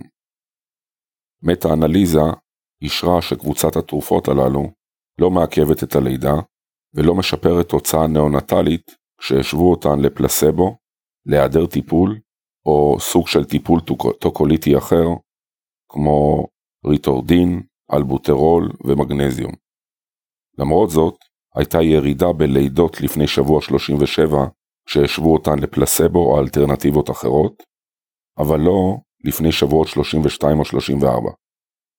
מבחינת אה, תופעות לוואי, חוץ מכאבי ראש, כל שאר תופעות הלוואי היו פחותות בהשוואה שלהן לטיפול טוקוליטי אחר. שימוש קליני בתרופות טוקוליטיות כשאישה מתקבלת בלידה פעילה עם קיצור צוואר מתקדם והבחנה חד משמעית, יש לנסות להרוויח זמן לצורך העברת האישה למקום מתאים, לתת לה סטרואידים וטיפול מניעתי ב-GBS. במצב הזה הטיפול ההתחלתי יהיה באינדומטצין פומי או בניפדיפין פומי, שאלה בעצם האפשרויות הטובות ביותר לעצירת הצירים.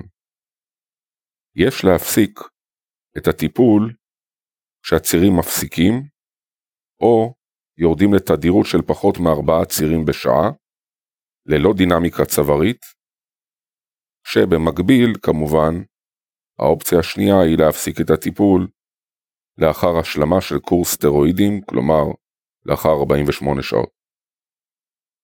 צירים פרסיסטנטיים אם הצירים נמשכים למרות הטיפול, יש להעריך מחדש את ההחלטה על המשך טיפול טוקוליטי. אם הצירים נמשכים והצוואר פתוח מעל 4 סנטימטר, והלידה ממשמשת ובאה, כמובן, יש להפסיק את הטיפול הטוקוליטי. בסיטואציה הזו, כמובן שיש לחשוד בהיפרדות שליה, או באמניוניטיס, מה שנקרא subclinical chorio amnionitis, ולהעריך בהתאם. זה אומר אנמנזה, בדיקה פיזיקלית ומעבדה. יש נשים שהצירים שלהן ימשיכו אפילו בנוכחות של צוואר לא מאיים, כלומר אין דינמיקה. כשנעשה להם בדיקות חוזרות, נראה שאין שינוי בין בדיקה לבדיקה. במידה ובדיקת הפיברונקטין נלקחה לפני תחילת הטיפול, והתוצאה היא שלילית, ניתן להניח שלא מדובר בתהליך של לידה. אם זאת בדיקה חיובית, היא לא מאשרת. לחילופין, אם אורך הצוואר הוא מעל 3 סנטימטר באולטרסאונד וגינלי, זה מקטין את הסיכוי ללידה בצורה משמעותית. חשוב לזכור ששימוש במספר תרופות יחד, או החלפה לתרופה אחרת, יכול לגרום לתופעות לוואי ולהגדיל סיכון. יש להימנע משימוש משולב של בטא מימטים או מגנזיום עם חסמי סידן. כשהצירים נמשכים מעבר ל-12 עד 24 שעות של טיפול טוקוליטי, יש לשאול מספר שאלות. ראשית, האם קיימת עדות לזיהום, וזה אומר לשלוח ספירת דם חוזרת, ושקילה של אמניוצנטזיס. שם נבדוק את רמת הגלוקוז, צביעת גרם, רמת לאוקוצית אסטרז ותרבית. מבחינת העובר, לוודא שאין קיפוח עוברי לפי מוניטור, עם אפשרות לעשות פרופיל ביופיזיקלי. השאלה הבאה היא האם יש עדות להיפרדות שליה, זה אומר לעשות הערכה ליציבות המודינמית, לחזור על ספירה, על פיברינוגן, ולהעריך באולטרסאונד את אזור ההשרשה של השליה. אם ההבחנה של לידה מוקדמת היא נכונה, אז לעשות אולטרסאונד לאורך צוואר, לראות אם יש משפחיות, ולשלוח פיברונקטין לבדיקה. במידה וקיימת עדות לזיהום, אז כמובן שקיפוח עוברי והיפרדות שליה נשללו, במקרה הזה יש להפסיק את הטוקוליטיקה ל-24 שעות ולהשגיח. ברוב הנשים הצירים ייפסקו באופן ספונטני. המשך מעקב לאחר שלב הטיפול האקוטי טיפול ממושך לאחר הטיפול האקוטי לא הוכח שמאריך את משך ההיריון או מקטין את שכיחות לידה מוקדמת. זה הוכח במטה-אנליזה. ניטור הצירים באופן אמבולטורי, כלומר במסגרת קופת חולים, לאחר השחרור מהאשפוז, גם לא הוכיח את עצמו, ולא שיפר את אחוזי הלידה לפני שבוע 37, את גיל ההיריון בלידה, או את משקל הילוד. משך האשפוז משתנה בהתאם למספר פקטורים, כולל סטטוס צווארי, מידת השיפור תחת טוקוליטיקה, גיל ההיריון, עבר מילדותי, מרחק מבית החולים ויכולת לתמיכה משפחתית.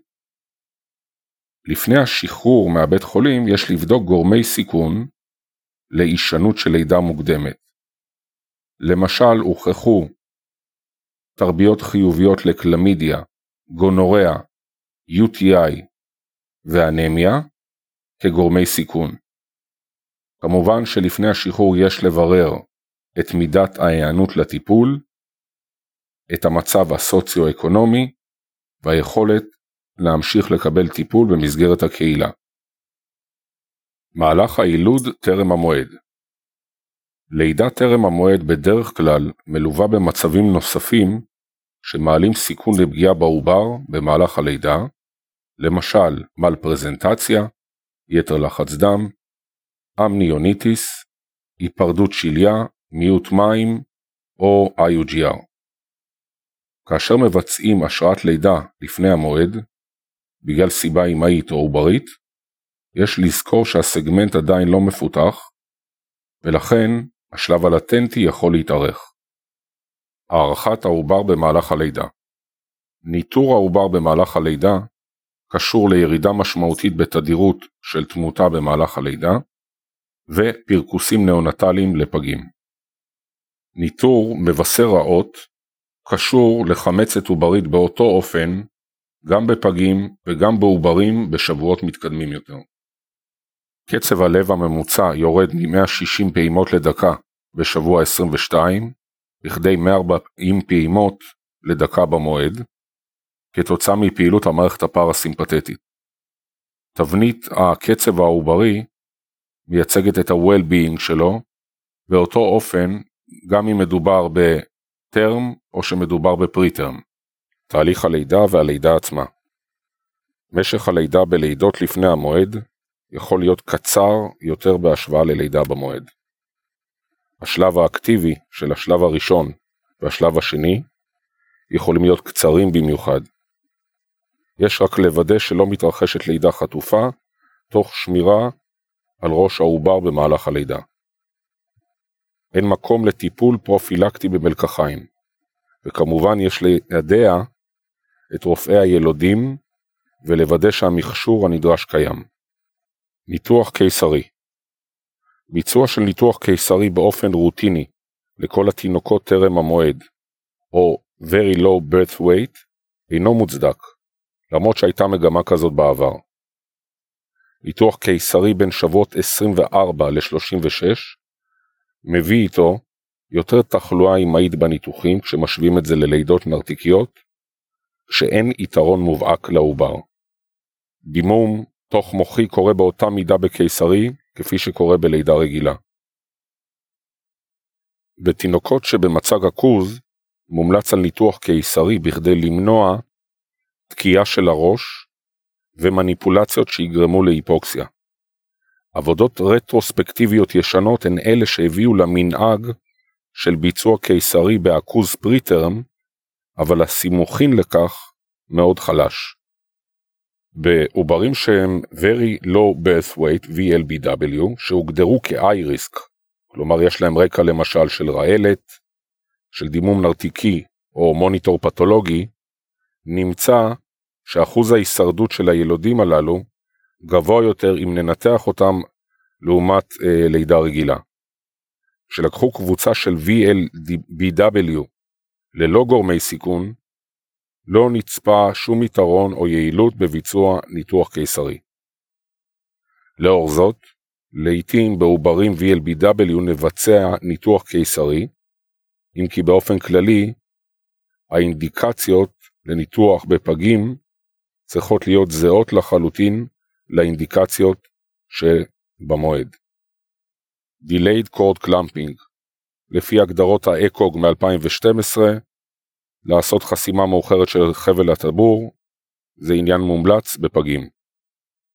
לשם ההגדרה early clamping, חסימה מוקדמת צריכה להתבצע תוך 30 שניות מהלידה, לעומת late clamping, שלפי הספרות מגדיר זמן של יותר מ-30 שניות מהלידה ועד 5 דקות, אם כי רוב התועלת מתקבלת תוך 60 עד 120 שניות. לסגירה מאוחרת של חבל הטבור יש תועלת מבחינת מאפיינים המטולוגיים, ההמטוקריט עשוי להיות גבוה יותר, נפח דם גבוה יותר, פחות צורך באירועים, לחץ דם דיאסטולי גבוה יותר, ופחות צורך ברסוסיטציה בתוך חדר לידה. למרות שגם פוליציטמיה וגם עלייה בערכי אה, בילירובין קשורים בסגירה מאוחרת, באופן כללי לא הודגמה עלייה משמעותית סטטיסטית בצורך בפוטותרפיה בכלל באוכלוסיית הפגים. מבחינת השוואה של אה, חליבת חבל הטבור ל-Delayed Cord Clamping, עשו מחקר אחד בלבד השוואתי, שהראה יעילות דומה לסגירה מאוחרת כזו, אולם אין מספיק מידע ולכן אין המלצה לביצוע הפעולה הזאת בפגים.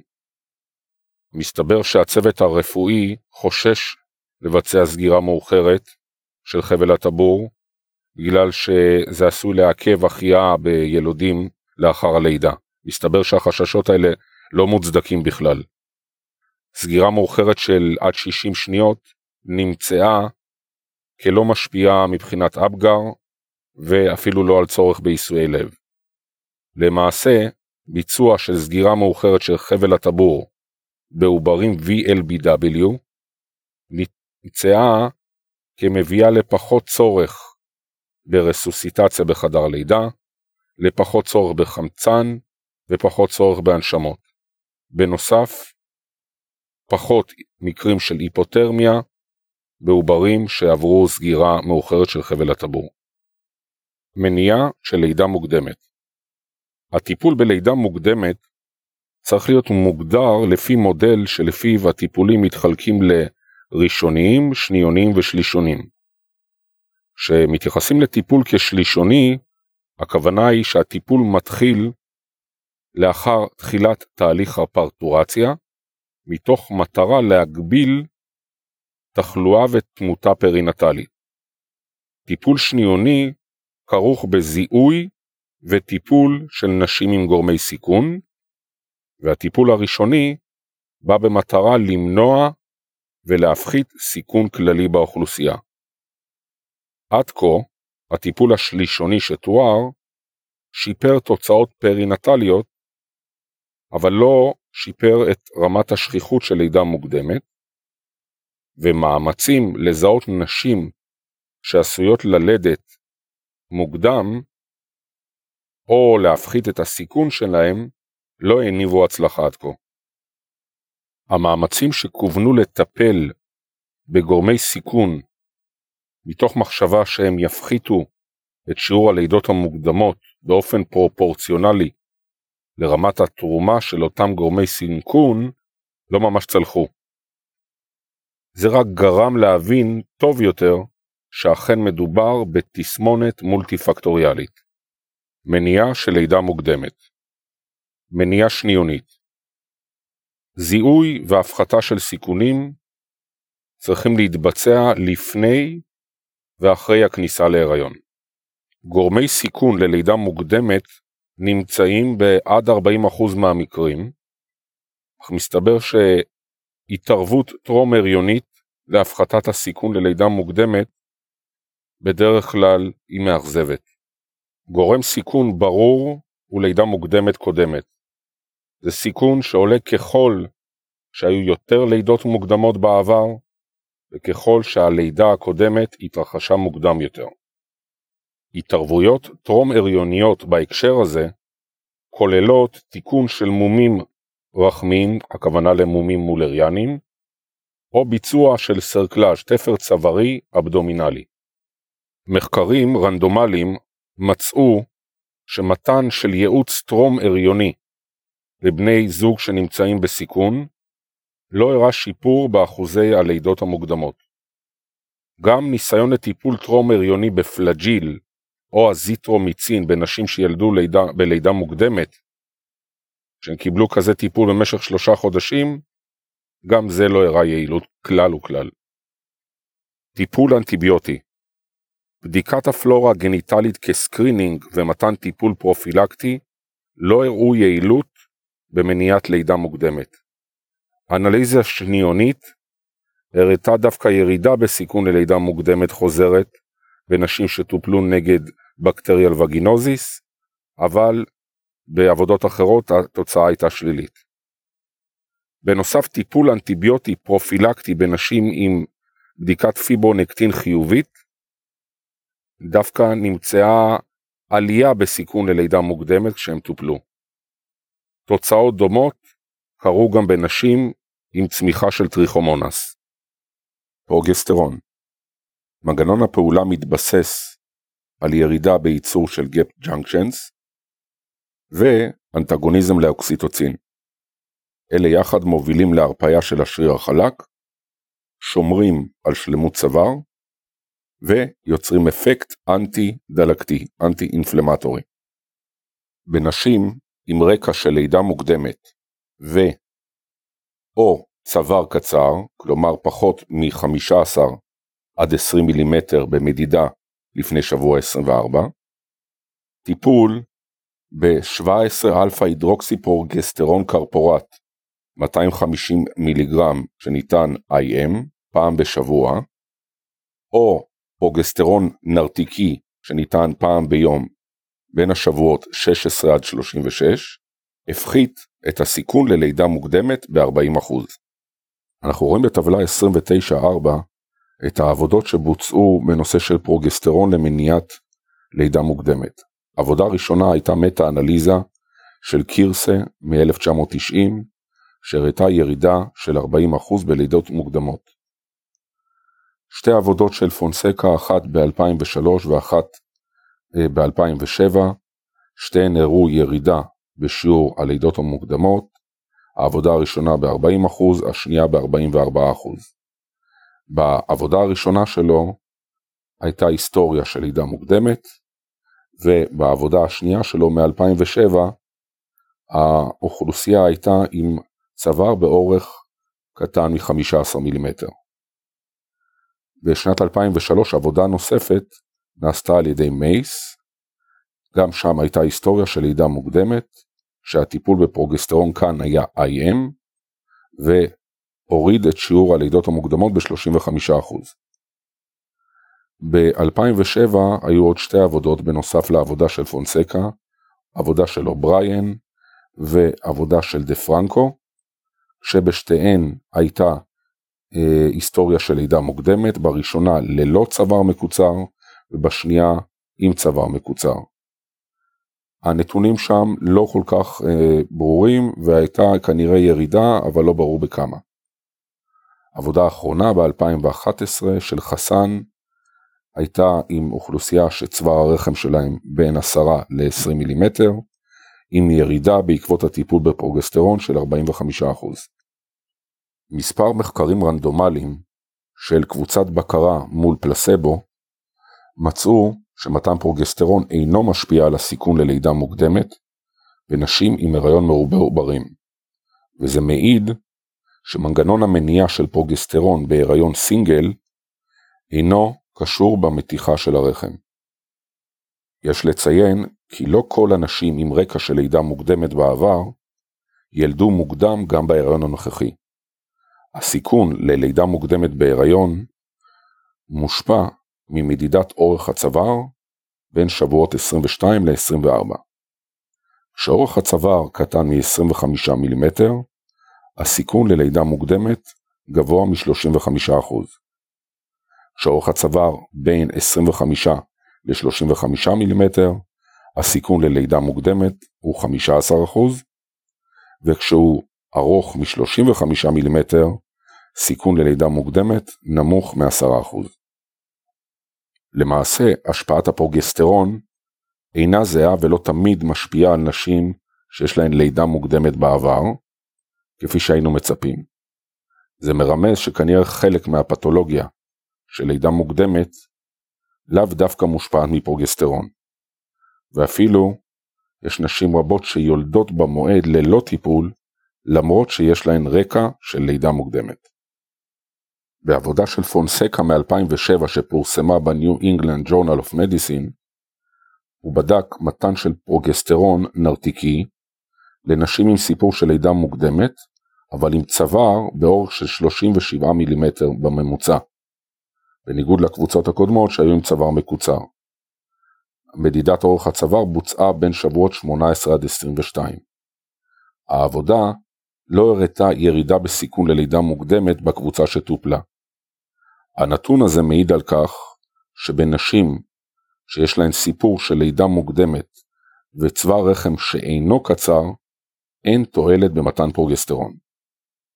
באנליזה שניונית של העבודה, אלה שדווקא קיצרו צוואר בהמשך, הרוויחו מהטיפול. בהסתכלות כוללת על המחקרים הללו, ניתן להגיד שצוואר קצר ולא לידה מוקדמת הוא הקריטריון המתאים ביותר למתן של טיפול בפרוגסטרון נרתיקי. לעומת זאת, לידה מוקדמת בעבר תמשיך להיות אינדיקציה למתן של 17 אלפא הידרוקסי פרוגסטרון קפרואט, וזאת עד אשר מחקרים אחרים יראו שהטיפול הזה אינו הכרחי בנשים עם לידה מוקדמת ששומרות על אורך צוואר תקין עד שבוע 24. לא דווחו מחקרים המתייחסים למתן פרוגסטרון בנשים עם גורמי סיכון אחרים כמו דימום או בדיקת פיברונקטין חיובית. ככל הנראה ההשפעה של פרוגסטרון היא על מודולציה של ריכוך צוואר הרחם. הבעיה עם כל הנושא הזה היא שהאסטרטגיה האופטימלית לזיהוי של מועמדות לטיפול בפרוגסטרון טרם נקבעה. היו שתי עבודות שהציעו לבצע סקירה אוניברסלית של אורך צוואר בכל האנשים בהיריון בין שבועות 18 עד 24. אבל מסתבר שאפליקציה של בדיקת סקר כזו היא מורכבת. המורכבות במקרה הזה נובעת מבעיה של היצמדות לפרוטוקולים ובעיית רפרודוסיביליות של העבודות האלה. לכן, כאלטרנטיבה, המחברים מציעים אינדיקציות ברורות למדידה של אורך צוואר בגישה וגינלית במקרים מיוחדים. נשים שעשויות להיות מועמדות לבדיקת סקר כזו של אורך צוואר בשבוע 16 עד 24 הן אלה שצוואר הרחם שלהן קצר מ-20 מילימטר. בנשים הללו יש מקום לטפל בפרוגסטרון. עם זאת, לא ברור אם יש צורך במדידה חוזרת במידה ואורך הצוואר הוא גבולי. תפר צווארי המחשבה תחילה הייתה שקיצור צוואר הוא שמוביל לסיכון ללידה מוקדמת, וזה כתוצאה מירידה בפוטנטיות שלו, בספיקה שלו. אבל ניסיון קליני ועבודות או בדיקות התערבותיות לא נמצאו כתומכות בהשערה הזו. תפר צווארי נמצא כטיפול יעיל בנשים עם סיפור של לידה מוקדמת וצוואר קצר. למרות שתפר צווארי נמצא יעיל בנשים שיש להן סיפור של לידה מוקדמת וצוואר קצר בין 15 ל-25 מילימטר, התקנה של תפר צווארי לא הפחיתה את הסיכון ללידה מוקדמת בנשים עם צוואר מתחת ל-15 מילימטר ללא לידה מוקדמת בעבר. ייתכן אפילו שהסיכון גדל ללידה מוקדמת בנשים שיש להן הריון תאומים וצוואר קצר. רק לציין, הקבוצה של הנשים שיש להן צוואר מתחת ל-15 מילימטר ללא לידה מוקדמת הוגדרה כ-isolated shortening of cervix. עכשיו, בקבוצת הנשים שיש להן לידה מוקדמת, תפר צווארי נמצא הכי יעיל באלה שיש להן צוואר הכי קצר, כלומר מתחת ל-15 מילימטר. ייתכן על ידי הגנה על הקרומים ומניעה של אה, חשיפה שלהם. אז אם נסכם את זה שוב, יש לנו כאן מספר קבוצות. קבוצה ראשונה זה קבוצה של נשים שיש להן לידה מוקדמת וצוואר קצר, בין 15 ל-25 מילימטר. ספר צווארי נמצא יעיל. בקבוצה שיש להן רק צוואר קצר מתחת ל-15 מילימטר ללא לידה מוקדמת, לא נמצא יתרון בתפר הצווארי, ובקבוצת הנשים שיש להן הריון תאומים עם צוואר קצר, גדל הסיכון ללידה מוקדמת. עיקר העבודות שבוצעו על תפר צווארי נעשו על ידי ברגלה. שימוש קליני בפרוגסטרון ותפר צווארי למניעה של לידה מוקדמת. העובדה שפרוגסטרון יכול להיות יעיל בנשים עם צוואר קצר, עם וללא היסטוריה של לידה מוקדמת, השפיעה על הטיפול בקבוצת הנשים שנחשבה בעבר כמתאימה לתפר צווארי פרופילקטי. בנוסף לכך, בעבודה שנעשתה על תפר צווארי, רק ל-30% מתוך אלף נשים שהייתה להן היסטוריה של לידה מוקדמת בין שבועות 17 עד 34, מצאו אורך צוואר של 25 מילימטר או פחות לפני שבוע 24. כל זה הוביל ליצירת הפרוטוקול שמוצג באיור 2911. מה שהוא אומר בגדול זה שתפר צווארי נשמר לאותן נשים עם היסטוריה של איזושהי פגיעה בצוואר הרחם, נשים עם אנומליה רחמית, ונשים עם קיצור פרוגרסיבי של אה, צוואר הרחם מתחת ל-25 מילימטר למרות שטופלו בפרוגסטרון. בקבוצת הנשים הזו יש המלצה להתקין תפר צווארי כשאורך הצוואר קטן מ-25 מילימטר. ההמלצה הזאת נעשית דחופה יותר כשאורך הצוואר קטן מ-15 מילימטר או כשיש חשיפה של הקרומים. איור 2911 מתאר את האלגוריתם לטיפול בנשים בין שבועות 16 עד 36 עם לידה מוקדמת בעבר.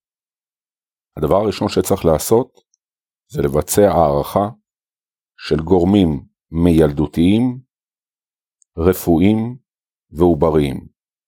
מבחינה מילדותית, למשל רקע של רעלת, שליית פתח או ICP, Cholestasis of Pregnancy. מבחינה רפואית, רקע של יתר לחץ דם כרוני או מחלת זאבת, ומבחינה עוברית, אנאופלואידיות, ריבוי מי שפיר ו-IUGR. השלב הבא יכול להתחלק לשלוש אפשרויות. אפשרות ראשונה כשאנחנו לא בטוחים לגבי ההיסטוריה. אפשרות שנייה זה כשאף אחת מהאפשרות שציינתי לא רלוונטית. אפשרות שלישית שכמובן אחת מהאפשרויות או כולן רלוונטיות. כשהרקע ההיסטורי לא ממש ברור, צריך לברר אם היה דימום ואם ידוע מה מקור הדימום, לברר למשל אם הלידה הייתה לאחר שבוע 35, או מצב של לידה מוקדמת ראשונה ולאחריה לידה שנייה במועד. בשלושת המקרים האלה נבדוק אורך צוואר בין שבועות 16 עד 23. אם אורך הצוואר קטן מ-25 מילימטר. נתחיל אצלן טיפול בפרוגסטרון או ב-17 הידרוקסי פרוגסטרון קרפורט, IM, או פרוגסטרון וגינלי, כשתחילת הטיפול היא בין שבועות 15 עד 16, ועד שבוע 36. במקביל ההמלצה היא לבצע מדידות אורך צוואר בין שבועות 16 עד 23. אם אורך הצוואר קטן מ-25 מילימטר נמליץ על סרקלאז', אם אורך הצוואר קטן מ-15 מילימטר נמליץ על סרקלאז' דחוף. אם בהערכה הראשונית אף אחת מהאופציות לא עלתה, בין אם היא מיילדותית, בין אם היא רפואית או עוברית, אנחנו נבחר לתת פרוגסטרון, זה יכול להיות כמו קודם 17 הידרוקסי פרוגסטרון קפרואט או פרוגסטרון וגינלי בין שבועות 15 עד 16 ועד 36 שבעצם גם כאן אנחנו עושים הערכות חוזרות בין שבועות 16 עד 23 אם קטן מ-25 מציעים להם סרקלאז', אם הוא קטן מ-15 מילימטר נעשה להם מה שנקרא ארד סרקלאז', סרקלאז' דחוף.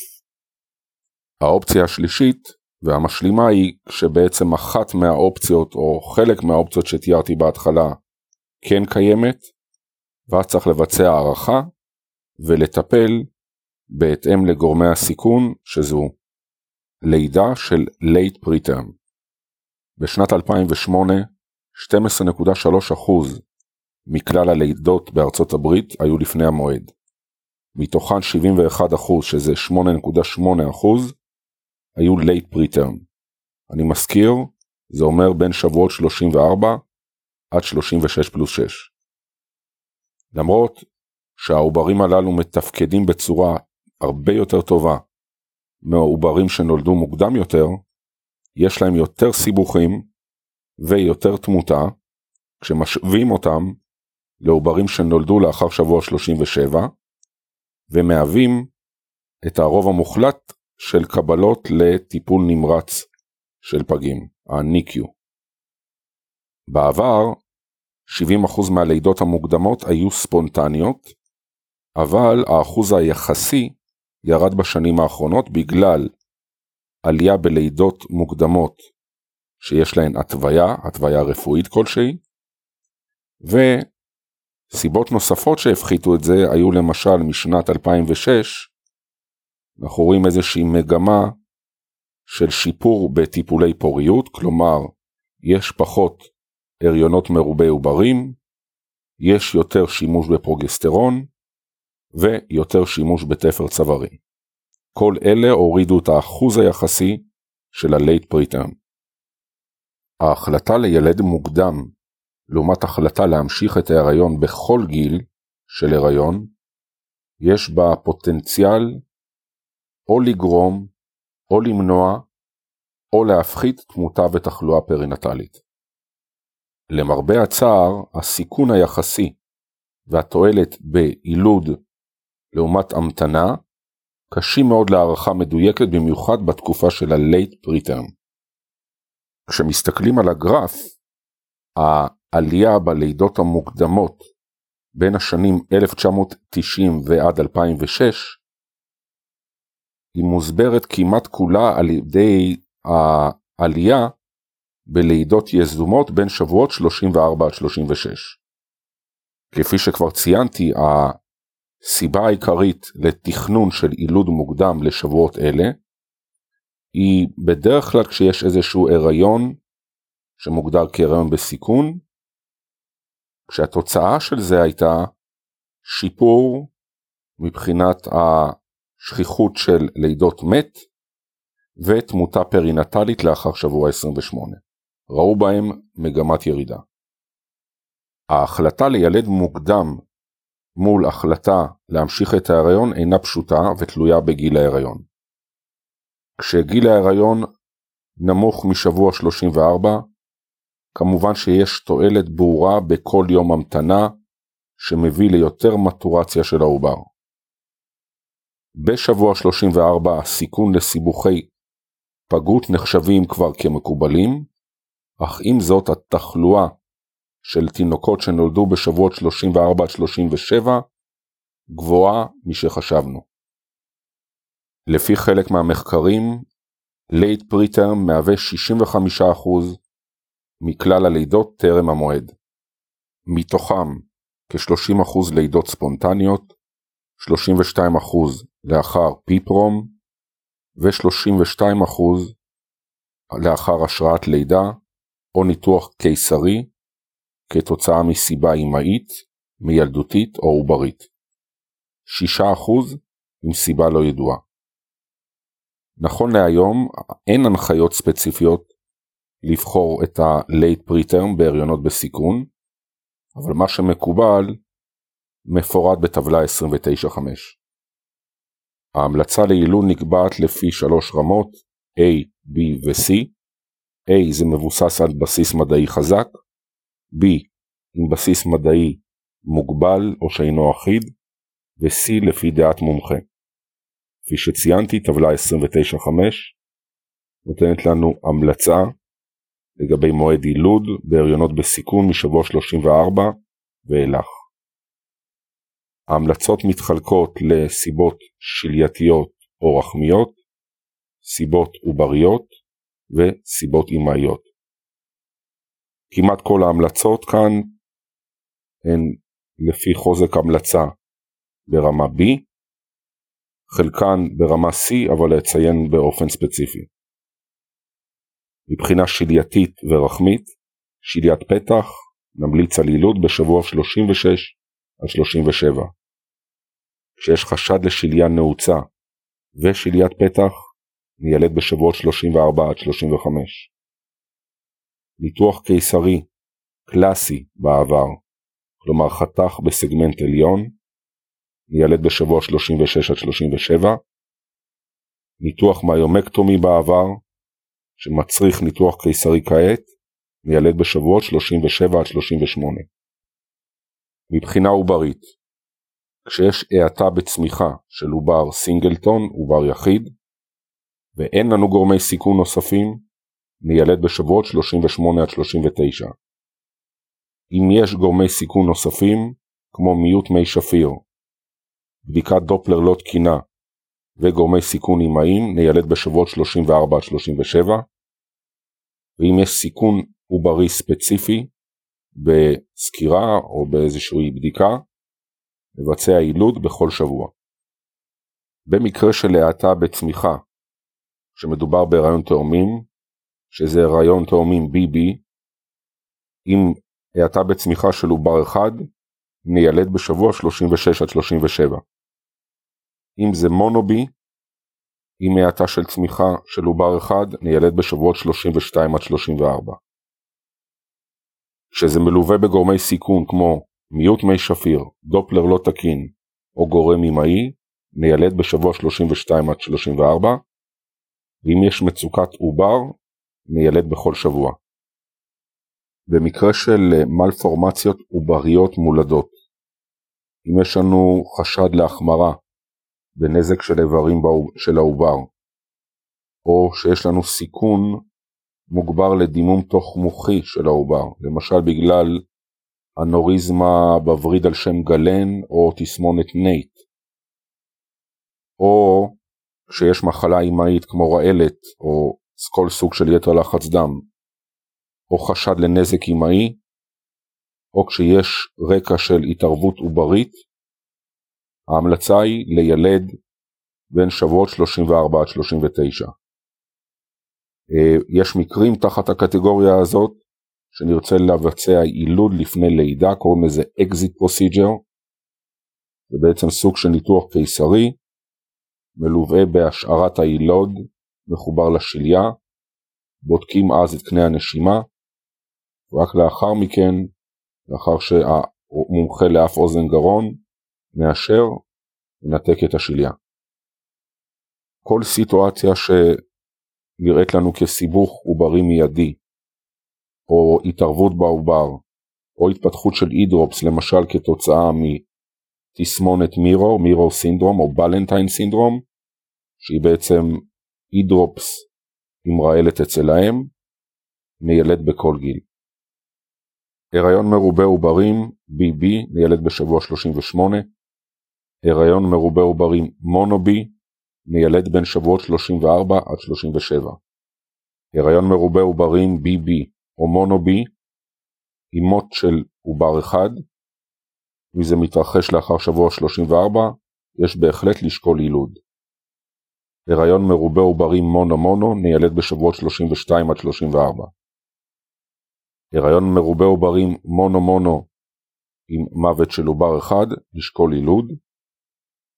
וכשיש מיעוט מי שפיר מתמשך, ניילד בין שבועות 36 עד 37.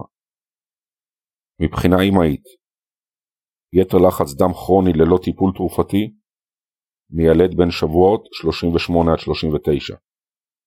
יתר לחץ דם כרוני שנשלט על ידי תרופות, ניילד בין שבועות 37 עד 39.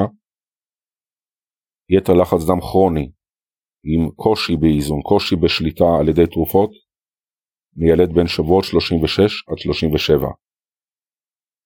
יתר לחץ דם הריוני, gestational, ניילד בשבועות 37 עד 38. severe preeclampsia, ניילד בעת אבחון, כל עוד זה לאחר שבוע 34. אם זה mild preeclampsia, ניילד בשבוע 37. סוכרת אם מדובר בסוכרת טרום הריונית שנשלטת היטב, מאוזנת היטב, לא ניילד מוקדם, אין המלצה כזאת. אם יש סכרת טרום הריונית עם מחלה וסקולרית, ניילד בין שבועות 37 עד 39. אם יש סכרת הריונית, סליחה, סכרת טרום הריונית שאינה נשלטת, ניילד בשבועות 34 עד 39. GDMA1 שנשלטת היטב על ידי דיאטה, לא מומלץ לילד מוקדם. GDMA2 שנשלטת היטב על ידי תרופות, לא מומלץ לילד מוקדם. ובכלל אם יש GDMA שלא נשלט, לא מאוזן, ניילד בין שבועות 34 עד 39. קטגוריה נוספת שלא ציינתי קודם לכן, אלה בעצם סיבות מילדותיות. כשיש לידת מת בעבר, בגדול לא מומלץ יילוד מוקדם. יש לשקול אמניוסנטזיס לבשלות ריאתית אם מבצעים יילוד לפני שבוע 39. לידה מוקדמת ספונטנית כתוצאה מירידת מים מוקדמת מיילד בשבוע 34. ולידה מוקדמת ספונטנית בגלל התפתחות לידה אקטיבית היילוד הוא כמובן כתוצאה מהתפתחות לידה או באינדיקציה עוברית או אמהית. רק כדי לציין, כפי שאמרתי, רעלת מסוג סביר, סביר פרה-אקלמסיה, עם יילוד בזמן האבחון כל עוד זה לאחר שבוע 34, ההגדרה היא הקטגוריה C, וכך גם לידת מת בעבר, עם ההמלצה לעשות אה, אמניוסנטזיס, גם כאן מדובר בקטגוריה C. מניעה ראשונית של לידה מוקדמת חשוב לזכור ש-50% מהלידות המוקדמות הן ללא גורמי סיכון ידועים. צריך לידע זוגות בנוגע לסיכון מוגבר ללידה מוקדמת בהיריון סינגלטון לאחר טיפולים. מומלץ על הפסקת עישון, שימוש בקונדומים למניעת sexual transmitted disease, טיפול בדיכאון ושימוש באמצעי מניעה ארוכי טווח, במיוחד לאחר אה, לידה מוקדמת בעבר. כמו כן, מניעה של הריון מרובה עוברים בטיפולים. באירופה יש חוקים שמגנים על נשים בהיריון, בין השאר המלצה שלא לבצע אה, תורנויות לאחר שבוע 20, לתת להם תשלום עבור חופשת הריון וכולי וכולי.